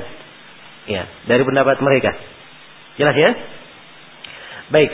Demi, jadi sedikit dan banyaknya masa haid itu, itu tidak ada dalil yang menjelaskan. Demikian pula masa sucinya. Sedikit dan banyaknya tidak ada dalil yang menjelaskan. Ini semuanya kembali kepada apa? kepada perempuan itu sendiri. Ya. Memang mereka diciptakan berbeda-beda di dalam hal ini. Jelas? Kemudian pembahasan yang kedua, ya. Cara menentukan waktu suci. Nah, cara menentukan waktu suci. Syukani berkata, "Fadatul adati al-mutaqarrirah." Ya. Ta'malu 'alaiha perempuan yang punya adat ya, yang berulang. Jadi syaratkan perempuan itu punya adat, adat kebiasaan berulang. Maka dia beramal di atas adatnya. Dia membangun amalan sesuai dengan apa? Kebiasaannya. Ya. Ini ada dua hal yang perlu saya jelaskan. Yang pertama, kapan seorang perempuan dikatakan punya kebiasaan haid? Hah? Yang namanya kebiasaan itu dalam bahasa Arab matus falubihi al muawadah. Apa yang dengannya didapatkan pengulangan. Dan pengulangan dalam bahasa Arab itu paling sedikitnya berapa? Paling sedikitnya tiga kali. Ya, paling sedikitnya tiga kali. Ini yang disebut oleh banyak pokoha. Ya, dan ini yang diterjih oleh banyak ulama kita di masa ini, Syekh Ibnu Utsaimin, apa Syekh uh, Syekh Shalal Fauzan, ya, Syekh Mukbil dan selainnya. Nah, ya Syekh Mukbil rahimahullah saya tanya sendiri ke beliau tentang masalah ini. Berapa lama, berapa kali. Ya Alhamdulillah di Yaman dulu ketika saya mengajar Umdatul Ahkam. Di banyak pembahasan setiap kali selesai pembahasan saya biasanya tanya ke beliau. Ya, tentang kesimpulan-kesimpulan dan pembahasan-pembahasan tersebut. Ini salah satunya. Ya. Tentang masalah berapa kali dihukumi seorang perempuan punya hadat. Ya. Beliau berkata, kalau sudah berulang berapa? Tiga kali. Jadi bulan ini seorang perempuan haid lima hari. Bulan depannya lima hari. Bulan depannya lagi lima hari. Maka sudah tiga kali berulang kita katakan kebiasaan haidnya berapa? Lima hari. Jelas ya? Kebiasaannya lima hari. Ya. Kalau misalnya bulan keempat keluar enam hari, yang mana yang dia pakai? Lima atau enam? Ya. Imam Syaukani berkata kalau dia punya adat pakai apa? Adatnya enam ditinggalkan. Dia hanya pakai apa? Lima saja. Jelas ya? Dia pakai lima saja. Ya. Mungkin muncul pertanyaan, kalau begitu darah yang keluar dihitung darah apa? Di hari yang keenam. Hah? Nah, dihitung darah apa? Kalau dia merah berarti darah tihadah. Kalau dia hitam, mirip darah haid, kita anggap sebagai darah rusak. Ya, dihitung sebagai darah apa? Darah rusak. Sebab darah yang keluar dari perempuan itu tidak lepas dari empat darah. Ya, yang keluar dari kemaluan perempuan tidak lepas dari empat. Yang pertama ada darah keperawanan. Yang kedua ini tidak ada kaitannya dengan hukum ya. Ya. Yang ketiga, ya, yang kedua adalah darah haid. Yang ketiga adalah darah istihadah. Selain daripada tiga ini disebut sebagai darah rusak. Jelas ya? Disebut sebagai darah rusak. Ya, jadi kalau dia bukan darah haid, maka dilihat apakah dia ada ciri warna istihadah. Kalau bukan istihadah berarti dihitung sebagai darah apa? Darah rusak. Selesai. Ini kaidah ya. Kaidah dalam melihat darah. Ya. Baik ya. ya sekali lagi darah yang keluar dari perempuan ada berapa? Ada empat. Yang pertama, ya darah keperawanan. Yang kedua, darah haid. Yang ketiga, darah istihadah. Yang keempat, darah rusak. Ya, damun fasid. Baik, ini empat darah yang keluar. Jadi seorang perempuan yang punya kebiasaan haid, ya, ta'mal alaiha. Dia membangun hukum haidnya di atas ini, di atas kebiasaannya. Di atas kebiasaannya. Ya kalau misalnya, ya, kebiasaannya lima hari, suatu hari sudah lebih lima hari masih keluar darah, maka yang di enam hari ini dia hitung bukan darah haid, darah rusak. Dia tetap sholat, tetap apa? Tetap puasa. Sebab yang dia pegang adalah apa? Adalah adatnya. Ya kecuali kalau misalnya berubah enam hari, ya di satu bulan. Bulan berikutnya tetap enam hari. Bulan berikutnya tetap enam hari. Maka kita katakan di sini perempuan ini telah berubah apa? Adatnya dari lima hari menjadi apa? Enam hari. Jelas ya? Nah di sini muncul satu masalah. Ada seorang perempuan di bulan Ramadan, ya dia kebiasaan haidnya lima hari biasanya. Tapi di bulan Ramadan ini dia keluar tujuh hari darah haid, persis darah haid. Ya, yang dua harinya dihitung apa oleh dia? Harus dihitung apa? Darah rusak. Kalau begitu dua harinya tetap apa? Tetap puasa dan tetap sholat. Ya. Tapi ternyata masuk bulan Syawal masih tujuh hari. Ya. Masuk lagi bulan Dhul Qa'dah tetap apa? Tetap tujuh hari. Ya kalau begitu sekarang berubah kebiasaannya. Kebiasaannya berubah dari mana? Ramadan. Berarti dua hari yang kemarin bagaimana? Dia tetap puasa. Puasanya syah atau tidak? Hah? Puasanya dianggap tidak syah. Sebab dia waktu itu sudah di masa apa? Haid. Kita tahu itu haid setelah di bulan ketiga. Adatnya sudah apa? Sudah berubah. Berarti dua hari itu harus dia apa? Harus dia kodok. Jelas ya? Baik. Ini tentang perempuan yang punya kebiasaan. Wagairuha dan selain perempuan yang punya kebiasaan. Ya, sebab tidak semua perempuan punya kebiasaan. Ya, ada perempuan punya kebiasaan tiap kali haid lima hari. Ada perempuan kebiasaannya bukan lima hari yang keluar, tapi dia tiap 30 hari suci, setelah itu dia haid. Begitu. Dia dihitung dari sucinya. Ini kebiasaan juga. Jelas ya? Kebiasaan. Baik. Ada perempuan tidak ada kebiasaannya. Itulah mana ucapan Imam Syaukani wa gairuha dan selain perempuan yang punya kebiasaan, kalau dia tidak punya kebiasaan, bagaimana caranya? Tarji'u ilal qara'in. Dia melihat kepada qarinah-qarinah, indikasi-indikasi. Nah, di sini, di indikasi-indikasi ini, uh, dia harus pandai membedakan antara darah haid dan darah apa? Istihadah. Inilah yang disebut dengan nama tariqah at-tamyiz. Dengan cara membedakan. Ya, jadi dua cara. Ada tariqatul ada, ada tariqah apa? At-tamyiz. Ada itu dengan kebiasaan. Tamyiz dengan apa? dengan membedakan. Ya. Perempuan yang istihadah, haid dan istihadah itu tidak lepas dari empat keadaan ini. Tidak lepas dari empat keadaan. Kalau dia punya kebiasaan, dia pakai kebiasaannya. Yang pertama. Ada perempuan, keadaan yang pertama ada perempuan punya kebiasaan. Adat. Keadaan yang kedua, ada perempuan yang punya apa? Punya tamis saja, tidak punya adat. Dia punya tamis saja. Keadaan yang ketiga, perempuan ada adatnya dan ada tamisnya sekaligus. Keadaan yang keempat, perempuan tidak ada adat dan tidak ada tamis. Empat keadaan. Jelas ya? Untuk menjelaskan empat keadaan ini, saya akan terangkan dulu tentang tamis. Baru kita kembali menguraikannya. Ya, kata beliau, tamis pada mulhaid yatamayyazu an gairihi. Darah haid itu berbeda dengan selainnya dari darah yang lain. Jadi sini beliau bedakan. Darah haid berbeda dengan apa? Darah yang lainnya. Karena dia berbeda, fatakunu haidan idza ra'at damal haid. Maka perempuan apabila melihat darah haid, dia dihitung sebagai perempuan yang haid. Ya. Jelas ya? Wa mustahabatan idza ra'at gairahu dan dia dihitung sebagai perempuan yang mustahabah kalau dia melihat darah apa? Selain darah haid. Jelas ya? Jadi sekarang cara menentukannya bagaimana membedakan antara darah haid dan darah apa? Istihadah. Ya. Membedakan antara darah haid dan darah istihadah ini dari lima sisi. Kita bedakan dari berapa? Dari lima sisi. Sisi yang pertama dari warnanya. Sisi yang pertama dari warna. Kalau darah haid dia adalah darah yang hitam. Darah yang apa? Hitam. Iya. Atau kalau dikatakan darah yang kehitaman itu juga boleh. Itu warnanya. Kalau darah istihadah darahnya warna apa? Warna merah. Iya. Ini dari sisi apa? Warna. Kemudian dari sisi yang kedua, dari sisi ketebalannya. Iya. Kalau darah haid dia adalah darah yang tebal. Ya. Darah yang tebal. Ya. Kalau darah istihadah dia adalah darah yang apa? Tipis. Ya kalau dipegang apa namanya darah haid, dia kelihatannya agak apa? Agak tebal dipegangnya. Kalau uh, darah istihadah dia sama dengan darah yang lainnya. Ya. Tipis darahnya. Jelas ya? Baik. Kemudian yang ketiga perbedaan dari sisi baunya. Kalau darah haid itu baunya tidak enak. Baunya tidak enak. Ya, ada pun darah istihadah dia baunya biasa seperti darah yang lainnya.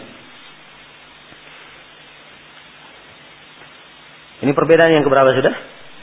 Yang ketiga. Perbedaan yang keempat, ya, dari sebab keluarnya. Ya, dari sebab keluarnya. Kalau darah haid, atau bisa dikatakan dari tempat keluarnya. Kalau darah haid, dia keluar dari rahim. Ya, dia keluar dari mana? Dari rahim. Ya. Kalau darah istihadah, dia keluarnya dari urat yang pecah. Ada urat yang pecah. Karena itu dalam sebuah riwayat Nabi berkata, Inna madalika irq. Ya, sungguh yang kamu alami itu hanya irq. Ya, hanyalah urat yang pecah. Akhirnya karena dia urat yang pecah, seperti orang yang terluka, keluar apa? Darahnya. Tapi ini bedanya dia keluarnya melalui rahim keluarnya. Jelas ya? Jadi ini perbedaan antara darah haid dan darah istihadah. Perbedaan yang keempat dari sisi sumber keluarnya. Yang kelima, ya, perbedaannya setelah keluarnya. Ya. Dalam hal dia membeku atau tidak. Kalau darah haid, darah haid, dia tadinya menggumpal di mana? Di dalam rahim. Menggumpal di dalam rahim. Setelah itu pecah, keluar. Maka setelah dia keluar, dia mengalir tidak menggumpal lagi. Tidak menggumpal lagi. Ya. Kalau darah istihadah, dia tadinya dari urat pecah. Pecah langsung mengalir. Ketika dia keluar, dia biasanya menggumpal. Biasanya apa? Menggumpal. Ini perbedaan. Yang ke berapa? Yang kelima. Ya saya kira jelas ya. Ya. Ini insya Allah Ta'ala dengan hal ini kita sudah bisa membedakan antara haid dan apa? Darah haid dan darah istihadah. Ya, jelas ya? Jadi saya ulangi, perbedaannya berapa? Lima. Yang pertama dari sisi warnanya. Kalau darah haid, warnanya apa? Hitam. Kalau darah istihadah, merah. Kalau perbedaan yang kedua dari sisi ketebalannya. Kalau darah haid, dia tebal. Kalau darah istihadah, dia tipis. Kemudian dari perbedaan yang ketiga dari sisi baunya. Kalau darah haid, baunya kurang enak atau tidak enak. Ya, kalau dari istihadah sama dengan darah lainnya. Kemudian yang keempat, perbedaan dari sumber keluarnya. Kalau darah haid dari mana? Dari rahim. Kalau dari uh, da, uh, dari istihadah urat yang pecah. Kemudian yang kelima, ya setelah keluarnya. Kalau darah haid dia kembali menggumpal atau tidak? Tidak menggumpal lagi kalau darah haid. Kalau darah istihadah dia menggumpal. Itu lima perbedaan. Kalau dia mampu membedakan hal ini, itu artinya dia punya apa? Ya, punya kemampuan tamyiz. Ya. Ingat dia punya apa? Kemampuan membedakan. Adapun tamyiznya begini, kalau tamyiz. Perempuan yang punya tamyiz, maksudnya begini. Kalau dia masa haid, darah yang keluar hitam di masa haid. Kalau dia di masa istihadah, ya maka darah yang keluar merah. Jelas ya? Dia tidak tahu kapan keluarnya. Kadang di awal bulan, kadang di akhir bulan. Ya. Perempuan ini nggak nampak keluarnya. Yang jelas ketika keluar darahnya hitam saja. Kalau ada istihadah tetap warnanya apa? Warnanya merah.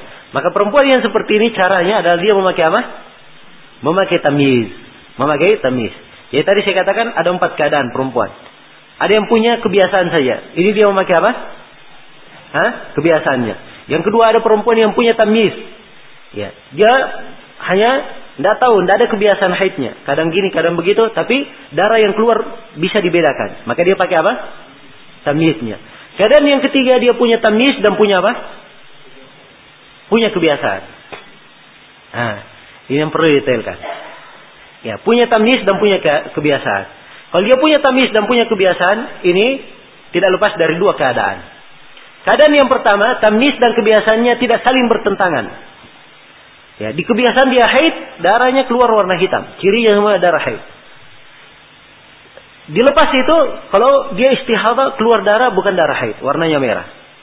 Jadi ini ada tamis, ada kebiasaan, tapi tidak bertentangan, tidak ada masalah. Jelas ya?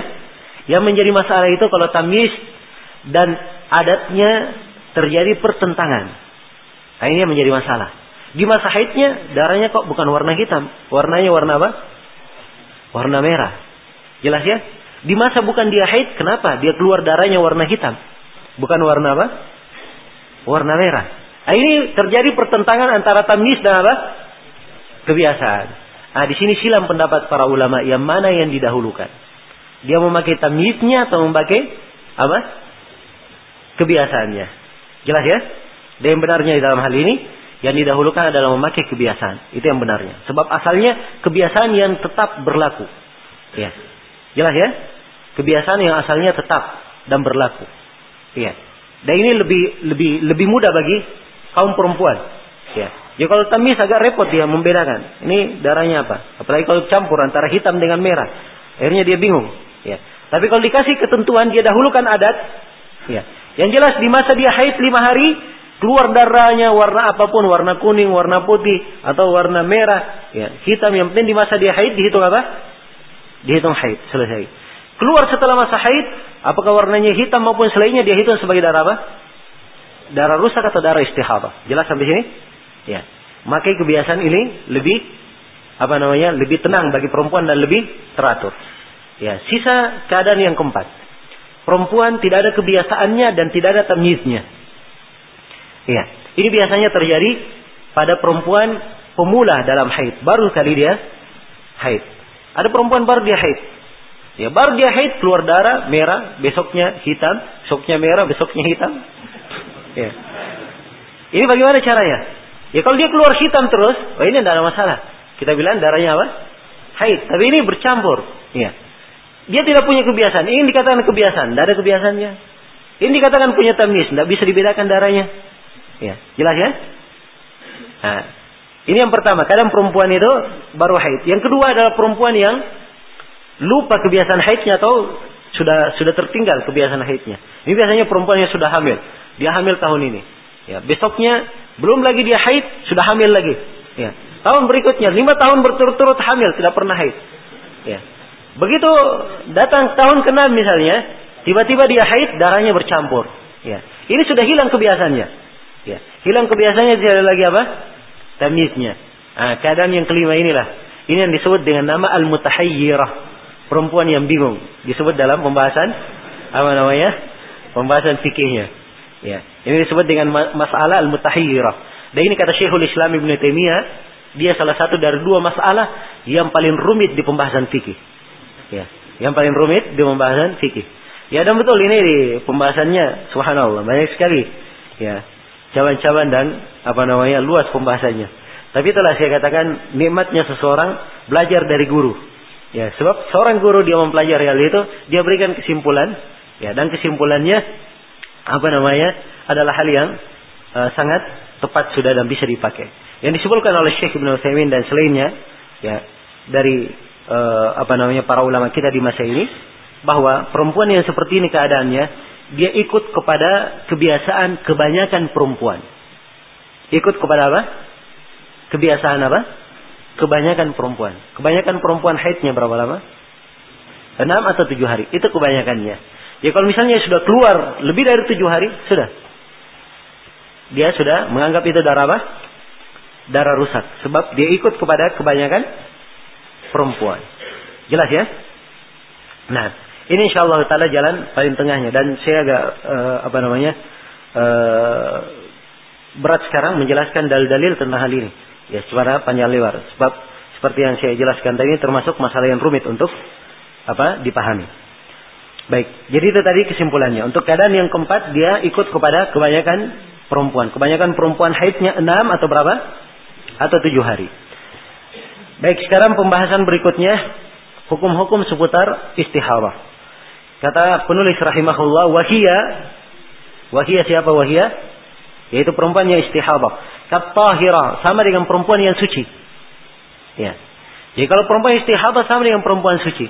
Kalau darah keluar, walaupun darah keluar, tetap hubungan suami istri boleh. Ya. Terjadi. Yang dilarang hubungan suami istri hanya apa?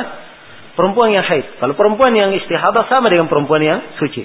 Tetapi diberikan di sini anjuran-anjuran. Watak silu asarat dam.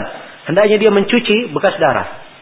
Bekas darah dia cuci. Sebab ini Nabi perintah kepada perempuan yang istihadah itu. Ya, beliau perintah untuk mencuci bekas darahnya. Ya. Beliau perintahkan untuk mencuci bekas darahnya. Kata beliau, "Fagsiri angkit dam wa Ya, cucilah bekas darah kamu itu dan sholatlah kamu. Ini ucapan Nabi kepada Fatimah binti Abi Hubeish ketika beliau datang kepada Nabi bertanya. Nah, baik. Kemudian wa tatawaddau likulli shalah. Ini hukum berikutnya tentang istihadah. Dia beruduk tiap kali mau salat. Ya, tiap kali mau salat dia beruduk, tiap kali mau salat dia beruduk. Ini ucapan Imam Syaukani. Beliau bangun di atas sebuah hadis diriwayatkan oleh Imam Al-Bukhari. Ya. Dan di tambahan riwayat Imam Al-Bukhari dari hadits Aisyah ada tambahannya wa tawaddai likulli shalah dan beruduklah engkau setiap kali mau salat. Cuman tambahan dalam riwayat Al-Bukhari ini ini dikritik oleh para a'immah yang lainnya. Ya. Imam Muslim, beliau ketika mengeluarkan hadits yang sama, beliau berkata, "Wa tarakna harfan."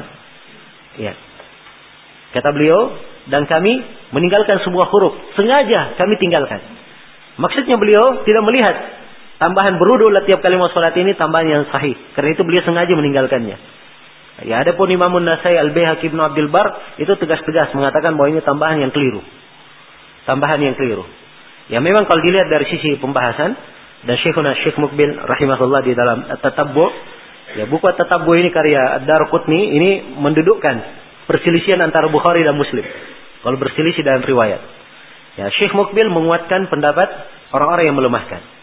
Ya, sebab yang meriwayatkan tambahan berudu lah itu cuma lima. Sedangkan yang meriwayatkan yang tidak yang tidak menyebutkan tambahan itu lebih dari 30 orang rawi. Semuanya dari murid-murid seniornya apa namanya? Uh, Hisham bin Urwa. Ya. Dan mereka semuanya tidak ada yang menyebutkan tambahan. Ya karena itulah kewajiban berudu tiap kali mau sholat itu tidak wajib. Tidak wajib. Kalau dia ingin berudu silahkan berudu tapi bukan wajib. Bukan apa? Bukan wajib. Iya. Baik. Jadi istihadah ini tidak membatalkan wudhu. Itu pendapat yang terkuat insya Allah taala. Dia tidak membatalkan wudhu. Ya, kalau dia ingin sholat, ingin berwudhu itu lebih bagus. Tapi kalau dia tidak berwudhu, tidak apa-apa. Kemudian di harusnya kita kasih poin yang kelima di sini ya pembahasan. Ya, di sini terangkan beberapa hukum seputar perempuan yang haid. Jadi ditambah saja di situ. Kelima, hukum-hukum seputar haid atau seputar perempuan yang haid. Wal haid dan perempuan yang haid la tusalli, dia tidak salat. Wala tasumu dan tidak boleh puasa. Nah, tidak boleh puasa. Ini dalilnya adalah hadis Aisyah riwayat Bukhari dan Muslim. Beliau ditanya oleh Muadah, ya, kenapa perempuan kalau dia haid dia mengganti puasanya dan dia tidak mengganti sholatnya. Maka Aisyah berkata, Ahururiyatun anti, apakah kamu ini perempuan khawarij? Ya, sebab khawarij yang bertanya seperti itu, yang berpendapat seperti itu. Ya, fakultu lastu biharuriyah, walakinni as'al. Maka kata Mu'ada ber, Mu'ada berkata, saya bukan haruriyah, saya bukan orang khawarij, tapi saya bertanya, ingin tahu. Maka kata Aisyah, kana yusibuna dalika, fa nu'maru bi qada'i shalah, wala nu'maru bi qada'i fa nu'maru bi qada'i shaum, wala nu'maru bi qada'i shalah. Ya, sungguhnya kadang hal itu menimpa kami, maka kami diperintah untuk mengqada salat dan tidak diperintah untuk mengkodok puasa. Uh, seulangnya, kami diperintah untuk mengkodok puasa dan kami tidak diperintah untuk mengkodok apa? Mengkodok salat. Jadi perempuan yang haid, dia tidak salat dan tidak apa? Tidak puasa pada masa dia haid. Tapi begitu dia suci dari haidnya, kalau dia tidak puasa Ramadan, puasanya dia apa? Dia kodok. Adapun salatnya sudah sudah berlalu salat itu. Jelas sampai sini? Itu sudah berlalu tidak dikodok lagi. Nah, kemudian kata beliau rahimahullahu taala, Ya. Wala tupau hatta taktasila ba'da tuhri. Dan dia tidak boleh disetubuhi, tidak boleh di, digauli sampai dia mandi setelah dia suci. Ya, jadi perempuan itu nampak tanda sucinya. Ada tanda suci ketika dia apa? Dia bersih dari haid. Tanda suci ini dikenal oleh semua perempuan. Ya. Dia disebut dengan nama al-qaffatul bayda. Ya. Jadi keluar tanda putih, ya tanda putih ketika perempuan itu suci dari haidnya. Tanda putih ini, ya dia agak agak keruh mirip dengan kapur sedikit ketika dia keluar. Ya. Ketika dia keluar dia di masa apa? Di akhir dari haid. Ini keluar pada perempuan. Imam Malik rahimahullahu taala berkata, saya tanya tentang al-qassatul bayda ini kepada perempuan, para perempuan, ternyata itu adalah hal yang sangat dikenal di kalangan mereka. Ya, sangat dikenal di kalangan mereka. Jelas ya? Mungkin ada pertanyaan, bagaimana kalau tidak ada tanda putihnya yang keluar? Bagaimana cara dia tahu dia haid? Ya. Cara dia mengetahuinya adalah dengan dia memeriksa darah. Dia memeriksa darah. Kadang darah itu diletakkan di atas kain. Ya. Kalau darahnya cepat kering, maka itu sudah tanda dia sudah dekat untuk apa? Untuk suci. Jelas ya? Dia sudah dekat untuk suci. Nah, itu cara yang kedua. Dan ini kada, eh, jarang terjadi. Jarang terjadi. Kebanyakan perempuan dia mempunyai tanda putih. Nah, jadi kalau tanda putih sudah keluar, itu artinya dia sudah apa? Sudah suci. Kalau sudah suci, dia belum mandi junub, apakah boleh melakukan hubungan dengannya? Jawabannya tidak boleh. Tidak boleh sampai dia mandi apa? Mandi junub. Sebab dalam ayat dikatakan, Fala taqrabuhunna hatta yatuhurna. Jangan kalian dekati mereka sampai mereka suci. Ini tuhur, sampai dia suci. Ya. Kemudian dikatakan faida tatahharna apabila mereka telah bersuci. Pakai kalimat tatahhar. Artinya apabila dia sudah apa? Sudah mandi junub. Ya. Barulah boleh digauli. Jelas sampai sini? Iya. Kemudian kata beliau watak bi asyam dan perempuan yang haid dia mengganti puasa. Ini sudah kita terangkan. Ya selesai sudah ya pembahasan haid. Kemudian kata beliau faslun. Fasal ini tentang an-nifas, tentang masalah nifas. Kata Syaukani rahimahullah, "Wan nifasu aktsaruhu arba'ina yawman." Nifas itu paling banyaknya adalah 40 hari. Wala hadda li aqallihi. Dan tidak ada batasan untuk paling sedikitnya. Wahuwa kal haidi dan nifas ini sama dengan haid.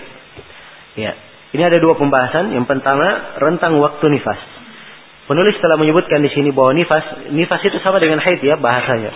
Dari sisi bahasa ya sama dengan haid. Dari sisi istilah dia adalah darah yang keluar huwa damun yakhruju minal mar'a ba'dal wilada atau ma'al wilada. Dia ada keluar darah yang keluar bersama perempuan setelah melahirkan atau bersama dengan apa? Melahirkan. Itu yang disebut dengan nifas. Jadi ingat ya ukurannya. Setelah melahirkan atau apa? Bersama dengan melahirkan. Bersama dengan apa? Melahirkan. Kalau darah itu keluar sebelum melahirkan, darahnya keluar sebelum melahirkan, itu tidak dihitung apa? Dari itu darah nifas. Ya, tetap sholat, tetap ini. Biasanya kan perempuan ada pembukaan-pembukaan ya kalau mau melahirkan.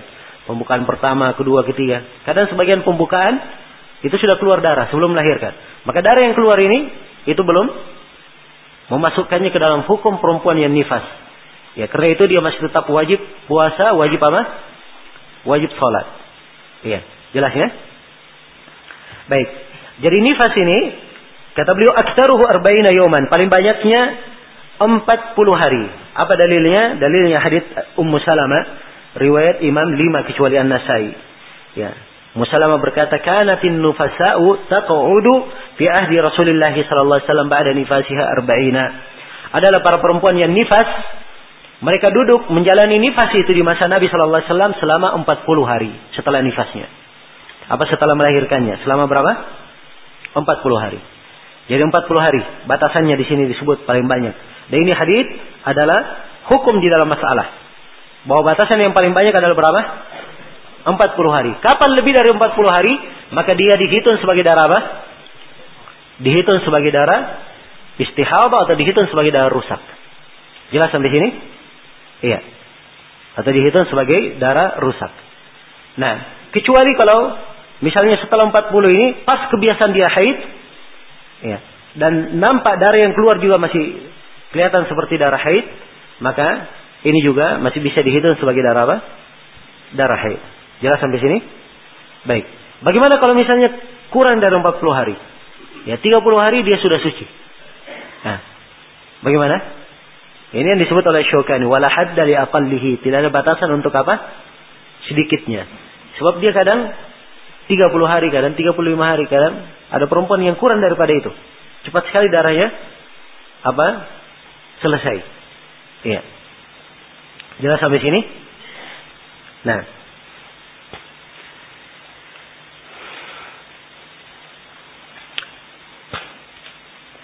Kemudian yang kedua, pembahasan yang kedua, ya, adakah perbedaan antara haid dan nifas? Penulis di sini Imam Syaukani telah berkata wahwa kal haid dan nifas itu sama dengan apa? Sama dengan haid. Ya, betul. Ini nifas sama dengan haid. Dalilnya apa? Dalilnya adalah hadis Ummu Salamah riwayat Al Bukhari dan Muslim.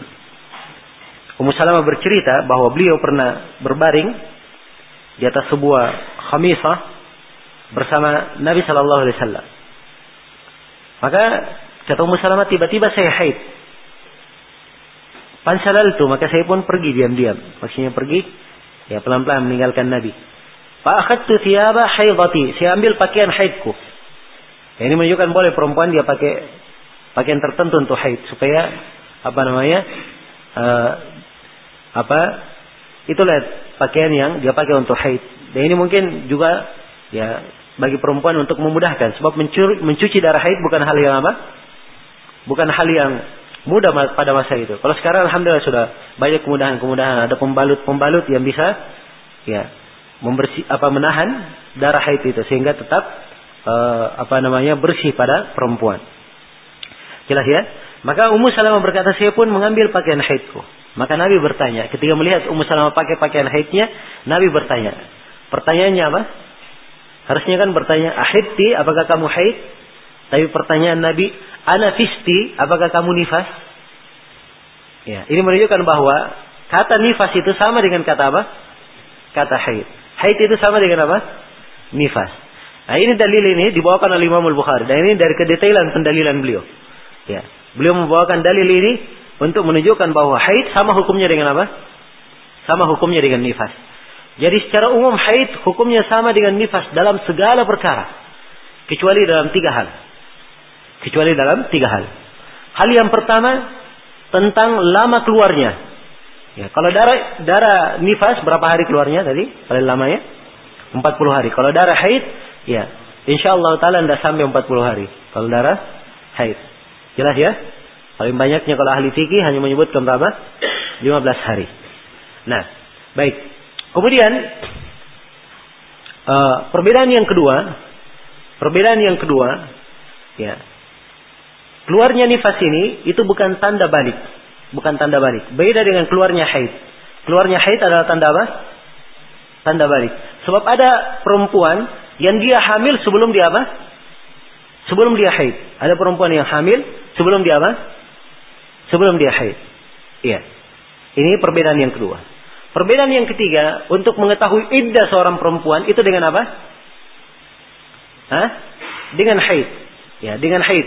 Adapun nifas itu tidak ukuran. Ya. Iddah bagi perempuan yang hamil cukup sekedar dia melahirkan, selesai. Bukan masalah dia selesai nifasnya. Tidak, tapi kalau haid itu adalah ya ketentuan untuk iddah seorang apa? Seorang perempuan yang ditalak misalnya maupun yang selainnya. Jadi ini perbedaannya. Tiga perbedaan. Selain daripada itu hukumnya apa? Hukumnya sama, tidak ada perbedaannya. Baik, selesai sudah kitab taharah. Ya, bagaimana kita lanjutkan? Kitab sholat. Ya. Sampai jam berapa waktunya? Hah? Sebentar, kita mulai sebentar jam 9. Sekarang setengah 8. Antum mandinya, makannya setengah jam. Mandinya satu jam. Ya kan ngantri kan? ya.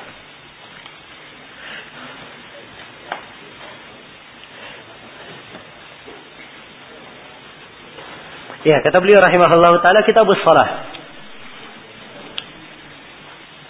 Hah? Gimana? Keberatan atau? Hah? Lanjut. Ya. Tahu sudah kelaparan. Baik, kita buat salah. As-salah secara bahasa adalah doa bi khair. Adalah berdoa dengan kebaikan. Itu secara bahasa. Ya. Ada pun e, banyak dalil ya secara bahasa yang menunjukkan bahwa salat bermana doa dari ayat, dari hadis maupun dari ucapan orang-orang Arab. Adapun secara istilah, salat itu adalah at-ta'abbudu lillahi ta'ala bi aqwalin wa af'alin makhsusatin mufattahatan bit takbiri mukhattamatan bit taslimi. Itu definisinya. Ya. Jadi salat adalah at-ta'abbudu lillah, beribadah kepada Allah. Bi aqwalin wa af'alin makhsusah. Dengan ucapan dan perbuatan yang khusus. Mufattahatan bit takbir, dimulai dengan takbir. Mukhattamatan bit taslim, ditutup dengan apa? Ditutup dengan, ditutup dengan salam. Ya, itulah salat. Dan salat ini adalah hal yang diwajibkan terhadap kaum muslimin. Kewajibannya di dalam Al-Quran, dalam hadits Rasulullah Sallallahu Alaihi Wasallam dan disepakati oleh para ulama. Dan ini adalah hal yang dimaklumi. Ya, dimaklumi atau tidak? Dimaklumi kan? Saya tidak perlu uraikan dalil-dalilnya. Ya, dan salat ini mempunyai apa namanya uh, penekanan yang sangat penting di dalam syariat. Salat lima waktu dia adalah ibadah. Tadinya lima puluh waktu, kemudian berubah, diringankan, diringankan menjadi berapa? Lima waktu ya. Lima waktu ini senilai dengan lima puluh. Ya, salat lima waktu ini diterima langsung oleh Nabi Shallallahu Alaihi Wasallam dari Allah tanpa ada perantara. Beda dengan syariat yang lainnya, semuanya dengan perantara apa? Perantara Jibril dengan wahyu. Ya, salat ini diterima di tempat yang tertinggi yang pernah dicapai oleh manusia hidup. Iya, jelas ya? Dicapai oleh manusia hidup. Sebab Nabi menerimanya di mana? Ya. Di atas langit ketika beliau Mi'raj diangkat ke langit. Jelas ya? Dan salat ini apa? Dia merupakan syariat yang sudah berada di umat ini dan umat-umat sebelum kita. Walaupun berbeda bentuk salatnya, tapi sudah ada di syariat-syariat sebelum kita. Dan banyak lagi keistimewaan dan pentingnya salat ini. Ya cukuplah menunjukkan betapa pentingnya salat ini. Muhammad bin Nasr Al-Marwazi beliau menulis buku judulnya Ta'zim Qadris Salat. Dicetak dalam dua jilid tebal. Ini khusus menjelaskan tentang pentingnya salat itu. Hanya sekedar menjelaskan apa? Pentingnya salat itu. Iya, di bab salat ini beliau menulis dengan memulai dengan babul mawakid. Kata Syaukani rahimahullah bab al-mawakid. Bab tentang al-mawakid. Al-mawakid jama dari apa? Jama dari miqat. Jama dari miqat. Miqat itu dari kata al-waqt. Dari kata waktu. Ya, itu dari sisi bahasa. Adapun dari sisi istilah, ya, al-miqat adalah al-qadarul muhaddad lil fi'li min az-zamani awil makan. Adalah kadar yang ditentukan Ya, kadar yang ditentukan. Apakah dari waktu atau tempat untuk melakukan sebuah perbuatan. Itu yang disebut dengan nama apa? Miqat. Jadi waktu sholat, dia kadar waktu untuk melakukan sholat. Waktu mikot haji, dia adalah kadar atau tempat yang di situ dimulai melakukan apa? Ibadah haji. Jadi ini disebut dengan miqat. Jadi sini penjelasan tentang waktu-waktu sholat. Ya, Syukani di sini rahimahullah taala berkata, "Awalu waqti dhuhri az-zawal wa akhiruhu maqsiru dhilli syai'i mithlahu siwa fai'i az-zawal wa huwa awwal waqti al-'asri وآخره ما دامت الشمس بيضاء نقية وأول وقت المغرب غروب الشمس وآخره ذهاب الشفق الأحمر وهو أول العشاء وآخره نصف الليل وأول وقت الفجر إذا انشق الفجر وآخره طلوع الشمس. ومن نام عن صلاته أو سهى عنها فوقتها حين يذكرها ومن كان معذورا أو أدرك ركعة فقد أدركها. والتوقيت واجب والجمع لعذر جائز والمتيمم wal وناقص الصلاة والطهارة يصلون كغيرهم من غير تأخير وأوقات الكراهة بعد الفجر حتى ترتفع الشمس وعند الزوال وبعد العصر حتى تغرب يا wa Ini uraian Imam Syaukani dalam bab waktu-waktu sholat ada 10 pembahasan yang kita garis bawahi. Pembahasan yang pertama tentang batasan waktu duhur. Ya, sebelum saya memulai pembahasan yang pertama perlu diketahui bahwa sholat itu ada waktu-waktunya. Sholat lima waktu itu ada waktu yang telah ditetapkan oleh syariat. Allah Subhanahu wa taala berfirman, "Inna salata kanat 'alal mu'minina apa? Kitaban mauquta." Sungguhnya salat itu terhadap kaum mukminin adalah sebuah kitab ketentuan yang telah dijelaskan waktunya. Iya. Dan Nabi Shallallahu Alaihi Wasallam merinci waktu-waktu salat dengan rincian yang sangat apa? Sangat detail. Iya. Dan tentang waktu salat ini, karena pentingnya waktu-waktu salat ini, Jibril turun khusus. Jibril turun khusus. Ya, kemudian mengimami, menjadi imam. Jibril menjadi imam Rasulullah berdiri di belakangnya dan para sahabat berdiri di belakang Rasulullah sallallahu alaihi wasallam. Jibril mengimami manusia dua hari. Ya, berturut-turut jadi sepuluh waktu salat. Hari yang pertama Jibril salat di awal waktu. Hari yang kedua Jibril salat di akhir waktu. Kemudian setelah itu Jibril berkata salat antara dua waktu ini. Ya, jelas ya? Ini perhatikan ya, saking pentingnya waktu salat sehingga Jibril turun mengajarkan secara langsung dengan perbuatan waktu sholat itu. Dan Nabi menjelaskan dengan secara lisannya tentang waktu sholat. Dan ini adalah hadis yang paling sahih sudah di pembahasan tentang waktu sholat dan paling didahulukan. Ya kalau misalnya di dalam pembahasan waktu sholat ada yang apa namanya bertentangan riwayatnya, maka asalnya ini yang didahulukan hadisnya yang saya akan bacakan ini. Itulah hadis Abdullah bin Amr bin Auf. Riwayat Muslim. Ya. Nabi Shallallahu Alaihi Wasallam bersabda, ini dari sabda Nabi ya, bukan dari perbuatan. Ya, didahulukan sabda Nabi daripada apa? Perbuatannya. Sebab perbuatan itu kadang mengandung kemungkinan-kemungkinan. Tapi kalau sabda ini sudah hal yang jelas tuntunan. Karena itu ia didahulukan. Ya Nabi Shallallahu Alaihi Wasallam bersabda, waktu dhuhri idza zalat syams. Ya, waktu duhur ketika matahari tergelincir. Wa kana dhillur rajuli katulihi ma lam yahduril asr. Nah adalah bayangan seorang lelaki sama dengan panjangnya, sama dengan tingginya, sepanjang belum masuk waktu asar. Wa waktu asri malam tasfarru syams, malam tasfarra syams. Dan waktu asar sepanjang matahari belum menguning. Ya. Wa waktu salatil maghribi malam yagib syafaq.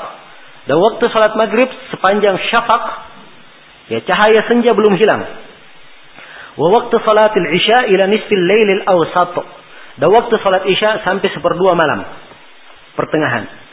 Wa waktu salat subhi min tulu'il fajri malam tatlu'is syams. Dan waktu salat subuh dari terbitnya fajar sepanjang matahari belum terbit. Ini hadis riwayat Muslim. Ini hadis yang paling sahih dalam masalah apa? Waktu-waktu salat. Rinciannya diterangkan di sini oleh Imam Syaukani. Ya, kata beliau pertama batasan, ya kita jelaskan ya pembahasan pertama batasan waktu zuhur. Kata Syaukani rahimahullah, awal waktu zuhri az-zawal. Awal waktu zuhur adalah apa? Az-zawal. Ketika matahari apa? Tergelincir. Ya. Apa itu matahari tergelincir? Ya. Seorang kalau misalnya pasang apa namanya? Tongkat, pasang tongkat ya.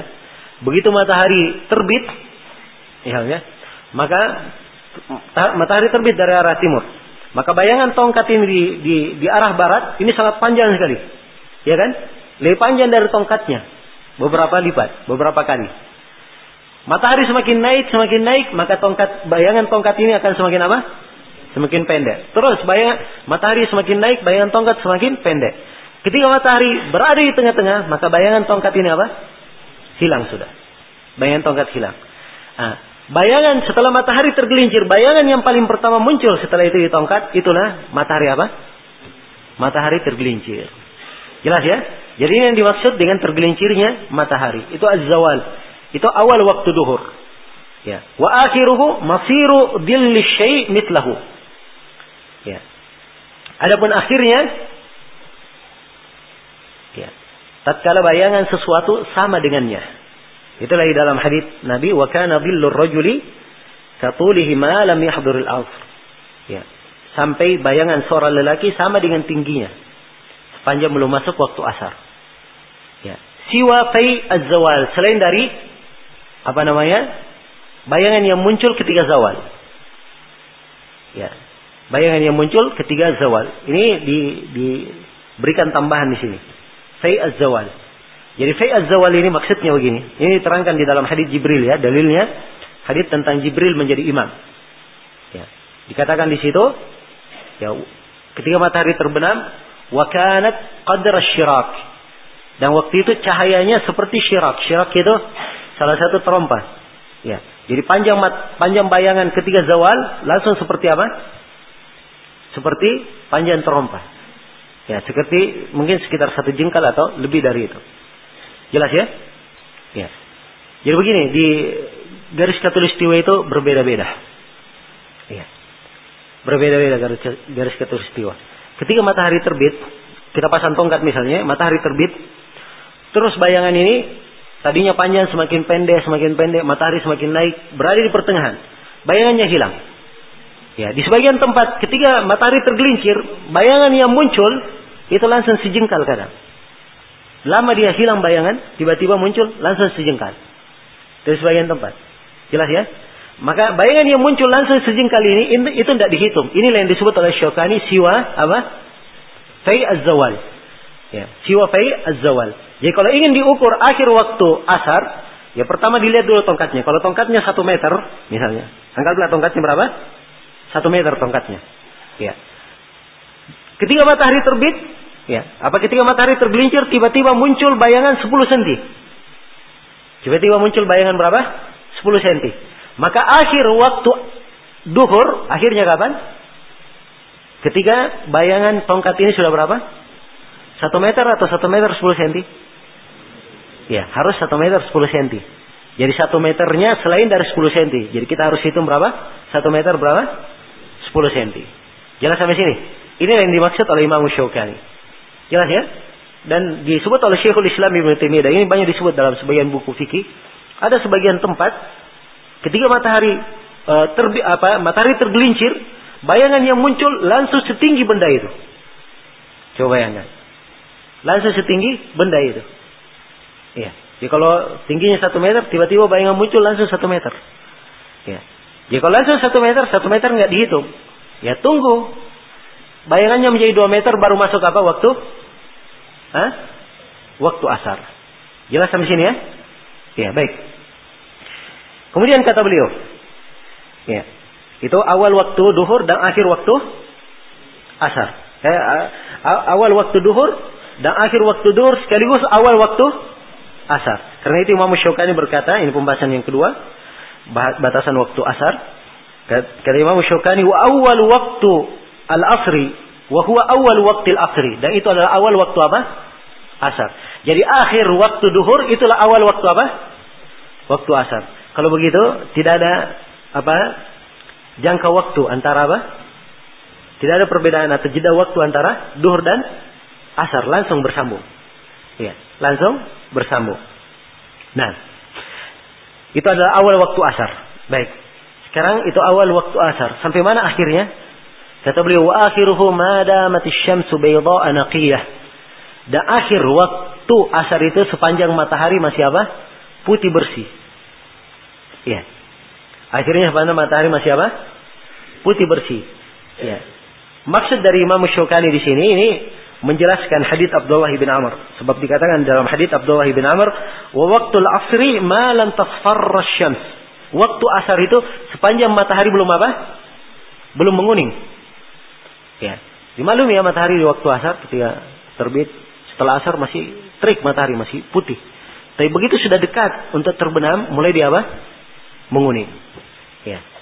Mulai dia menguning. Nah, begitu dia menguning itu adalah akhir waktu apa? Akhir waktu asar akhir waktu asar. Nah, andai kata Imam Syukani memakai kalimat di dalam hadis itu lebih lebih jelas saya kira ya. Kalau dia katakan akhirnya sepanjang matahari belum menguning, nah itu insya Allah akan semakin apa? Semakin terang. Ya, jelas maksud beliau adalah itu. Baik, itu adalah akhir waktu apa? Waktu asar. Ya, baik dari matahari menguning sampai matahari terbenam. Apa tidak boleh sholat asar di situ? Hah? Jawabannya apa? Ya jawabannya boleh saja sholat asar, tapi itu bukan lagi waktu apa? Waktu pilihan, bukan lagi waktu yang seorang hamba itu diberi pilihan untuk melakukan sholat di situ. Ya, kalau dia sholat di situ, itu di waktu darurat namanya. Sudah sholat di waktu apa? Waktu darurat. Kalau dia sholat di waktu situ, di waktu matahari menguning, dia sholat di situ tanpa ada udur, ini adalah orang yang sudah berdosa. Sudah apa? Sudah berdosa. Dan dia sholat seperti sholatnya kaum munafikin. Ya. Karena kaum munafikin di dalam hadis Rasulullah Sallallahu Alaihi Wasallam, ya, mereka ini sengaja ya dalam hadis Anas bin Malik dan selainnya riwayat Bukhari dan Muslim, kaum munafikin ini mereka sengaja ya tunggu matahari dekat ya terbenam ya maka mereka tunggu ketika matahari sudah berada di atas dua tanduk syaitan maksudnya sudah hampir terbenam ya barulah mereka dikatakan dalam hadis panaqara arba'an la yadhkurullaha illa qalilan ia pun apa mematuk empat kali ya jadi sebut seperti ayam mematuk karena cepatnya dia sholat. Ya. Tidak ingat kepada Allah kecuali apa? Kecuali sedikit. Itu sholat kaum munafikin. Jelas ya? Nah, jadi as asalnya, ini saya berikan asal kaidah. Jadi asal kaidah antara sebuah sholat ke sholat berikutnya, itu tidak ada perbedaan waktu. Apa tidak ada pemisah? Tidak ada jeda waktu. Semuanya bersambung. Ya. Semuanya bersambung. Ya berdasarkan hadits Abu Qatadah yang diriwayatkan oleh Imam Muslim Ya, Nabi Shallallahu Alaihi Wasallam ya, mengisyaratkan tentang hal ini. Nah, mengisyaratkan tentang hal itu bahwa waktu sholat itu itu tidak berpisah dengan waktu sholat berikutnya. Asalnya duhur, ya, duhur itu waktu sholatnya akhirnya sampai waktu asar. Asar akhirnya sampai waktu maghrib. Awal waktu maghrib. Maghrib akhirnya sampai isya. Isya akhirnya sampai waktu apa? Waktu subuh. Dan subuh akhirnya sampai mana? Hah? Sampai duhur? ya. Ini yang diperkecualikan. Khusus untuk apa? Untuk subuh. Subuh itu sampai matahari terbit saya. Ya, sudah terbit itu akhir. Jangan dikatakan sampai duhur. Oh asyik dia bisa sholat. Ya. Jelas ya? Baik. Jadi ini asal. Ingin di sini saya terangkan beberapa hukum di sini. Karena penting. Ini berkaitan dengan orang yang punya udur. Ya, berkaitan dengan orang yang punya udur. Nah, Imam Syaukani tidak menyinggung, tapi saya singgung. Karena ini masalah terlalu banyak dihadapi dan dialami. Ya. Jadi demikian tadi keadaannya. Ya kalau dia terlambat sholat, matahari sudah menguning baru dia sholat, ini dia sudah apa? Sudah berdosa, tapi sholatnya syah. Nah, di sini kita katakan tadi, dia namanya waktu darurat. Waktu apa? Darurat. Ya. Waktu duhur ada waktu daruratnya. Waktu pilihannya itu tadi yang kita terangkan. Dari Tergelincirnya matahari sampai waktu apa? Asar. Ketika bayangkan sesuatu sama dengan tingginya. Itu akhirnya. Ini waktu pilihan. Ada waktu daruratnya. Waktu daruratnya sampai matahari apa? Terbenam. Ya, jelas ya? Sampai matahari terbenam. Demikian pula maghrib, isya. Ya, isya batasan terakhirnya akan kita terangkan seperdua malam. Batasan terakhir. Tapi kalau ada yang lupa, kalau misalnya ada yang masuk ke waktu darurat, waktu daruratnya sampai subuh. Sampai apa? Sampai subuh. Dan ini banyak fungsinya. Khususnya untuk perempuan yang haid. Ada perempuan yang haid, dia suci, matahari sudah menguning. Ya. Dia sholat asar? Jawabannya iya, sholat asar. Dia sholat duhur? Hah? Saya katakan tadi waktu daruratnya duhur sampai kapan? Masih sampai maghrib. Jadi lihat. Dia matahari menguning, dia lihat waktunya. Kalau waktu memungkinkan dia untuk melakukan dua sholat sekaligus duhur dan asar, maka dia harus menjamak dua sholat di situ. Duhur dan apa? Asar. Sebab masih ada waktu. Jelas ya? Demikian pula isya. Kalau dia suci misalnya di jam 2 malam, oh masih banyak waktu untuk apa? Melakukan sholat. Maka dia harus wajib untuk sholat dua waktu sekaligus. Ya, demikian pula anak kecil yang baru balik. Ya, ada anak kecil tidur sore, bangun dia junub. Ya, dia sudah apa? Balik. Maka dia juga wajib melakukan dua waktu kalau waktunya masih luas. Tapi kalau waktu yang tersisa hanya sebatas apa? Satu waktu sholat, maka satu waktu sholat saja yang dilakukan, yaitu waktu asar saja. Kalau di isya waktu isya saja. Jelas ya? Nah, ini hukum perlu untuk diketahui. Ya. Nah, dan ini berfungsi di banyak keadaan. Baik, kemudian yang ke berikutnya, yang ketiga, pembahasan yang ketiga, batasan waktu maghrib. Kata beliau, awal waktu maghribi gurub syams, wa akhiruhu dhihabu syafaqil ahmar. Dan awal waktu maghrib adalah terbenamnya matahari. Ini awalnya ya. Awal waktu maghrib. Terbenam matahari. Yang dimaksud dengan terbenam matahari adalah terbenam apa? Lingkaran matahari yang terbenam. Ya, wa akhiruhu dihabu asyafakil ahmar. Dan akhirnya adalah kilangnya syafak merah. Jadi syafak yang diinginkan adalah syafak warna apa? Merah. Cahaya senja itu ada dua. Ada senja warna merah, ada warna apa? Warna putih. Ya, antum lihat aja senja kalau sore hari setelah matahari terbenam, merah. Cahaya senja kelihatan. Merah hilang, masih ada cahaya putih sedikit. Setelah itu baru gelap. Jelas ya? Jadi putih itu terakhir. Akhirnya di mana? Ketika selesai merah atau ketika selesai putih, Asyokani diterangkan di sini bahwa yang diinginkan adalah apa? Yang merah. Itu yang diinginkan dari sisi bahasa, itu pula yang diinginkan uh, itu yang diinginkan dari sisi uh, penggunaan kebanyakan orang-orang Arab dan itu yang digunakan oleh para sahabat. Ada sebagian hadis yang menafsir, menafsirkan bahwa syafak yang diinginkan adalah senja yang merah. Jelas ya? Senja yang merah itu yang diinginkan. Maka itu adalah akhir waktu maghrib dan awal waktu isya. Ya, ini pembahasan yang keempat sudah. Awal waktu isya. Nah, dan ini menunjukkan bahwa waktu maghrib ini punya dua waktu. Ada awalnya, ada akhirnya. Ya. Ini bantahan untuk sebagian orang-orang syafi'iyah yang mengatakan bahwa maghrib itu punya satu waktu saja. Ya, karena itu bagi mereka, ya maghrib awalnya cuman awal waktu ini mungkin yang menyebabkan sebagian di Indonesia ini punya fikih kalau maghrib habis adzan langsung komat. Sebab mereka menganggap cuma apa? Cuma satu waktu. Dan ini sebenarnya keliru juga di dalam memahami madhab Imam Syafi'i. Imam Syafi'i memang mengatakan bahwa maghrib cuma punya satu waktu. Tapi bukan artinya tidak ada sholat sunnah. Ya. Ahli fikih orang-orang Syafi'i berkata satu waktu satu waktu ini untuk melakukan wudhu, sholat sunnah dan melakukan sholat wajib. Itu mereka katakan. Jelas ya? Jadi ada juga sholat sunnahnya. Baik. Kemudian kata beliau, rahimahullah taala, ya wa akhiruhu nisful lail. Kita awal waktu Isya dan akhirnya adalah pertengahan malam. Ya, dalilnya itu tadi hadis Abdullah bin Amr bin As, sepertiga malam atau seperdua malam. Ya ini saya katakan patokan ya, ada yang mengatakan sepertiga sebagian riwayat, ya. Dan sepertiga ini ya, bukan patokan dalam hal ini sebab riwayat yang lebih tegas ini hadis Abdullah bin Amr bin As seperdua. Ya. Dia ada tambahan waktu sekaligus ada apa? Dia dari ucapan Nabi, maka ini lebih didahulukan. Ya, jadi cara mengukur seperdua malam, caranya mudah insya Allah. Kalau misalnya matahari terbenam jam 6 sore. Kemudian cahaya fajar terbit jam berapa? Misalnya jam 4 subuh. Maka malam itu semuanya ada berapa jam? Hah?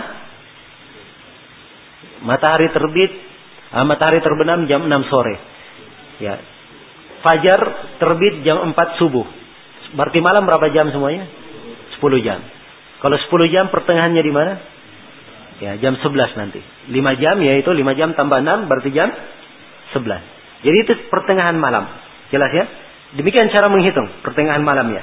Pertengahan malam, sepertiga malam, ya, apa, uh, dua per tiga malam terakhir, ya, sepertiga malam terakhir, cara menghitungnya seperti itu. Baik. Kemudian setelah itu kata beliau, wa awal waqtil fajri idan syaqqal fajr. Dan awal waktu fajar adalah apabila fajar itu apa pecah sudah kelihatan. Nah, fajar yang diinginkan di sini adalah fajar apa? Fajar sadiq. Fajar sadiq. Jadi fajar ada dua macam, ada fajar sadiq, ada fajar apa? Ada fajar kadib. Fajar sadiq uh, berbeda dengan fajar kadib. Ya. Perbedaannya ada dari beberapa sisi. Nah, yang pertama dari sisi uh, tempat terbitnya. Ya, kalau fajar sadiq dia terbit dari ufuk. Ya, kalau fajar kadib dia terbitnya bukan dari ufuk tapi agak naik ke pertengahan langit sedikit. Ya, jelas ya? Kemudian yang kedua dari sisi bentuknya ya. Kalau fajar kadib ya, dia cahayanya terang tapi tidak seterang cahaya apa? Cahaya fajar sadiq dan dia agak mirip dengan ekor serigala. Ya, ketika nampak. Ya, berbeda dengan fajar sadiq. Ya, sangat terang sekali dan dia apa namanya? nampak sekali di ufuk, melintang. Ya. Baik. Perbedaan dari sisi yang ketiga, ya. Kalau fajar sadiq begitu dia muncul, Ya. Maka setelahnya pasti akan sangat terang, terang kemudian sangat terang. Ya, akan bertambah terang. Itu kalau fajar apa? Sadiq. Kalau fajar kadib, begitu dia muncul, setelah itu menjadi gelap kembali. Ya. Namanya saja kadib. Ya. Karena fajar dusta, disebut fajar dusta. Yang muncul langsung hilang. Orang sangka dia fajar, ternyata ya, cuman apa namanya? Yang muncul kemudian hilang. Karena itu disebut sebagai fajar apa? Fajar kadib. Jelas ya? Itu perbedaan-perbedaan antara fajar kadib dan fajar apa?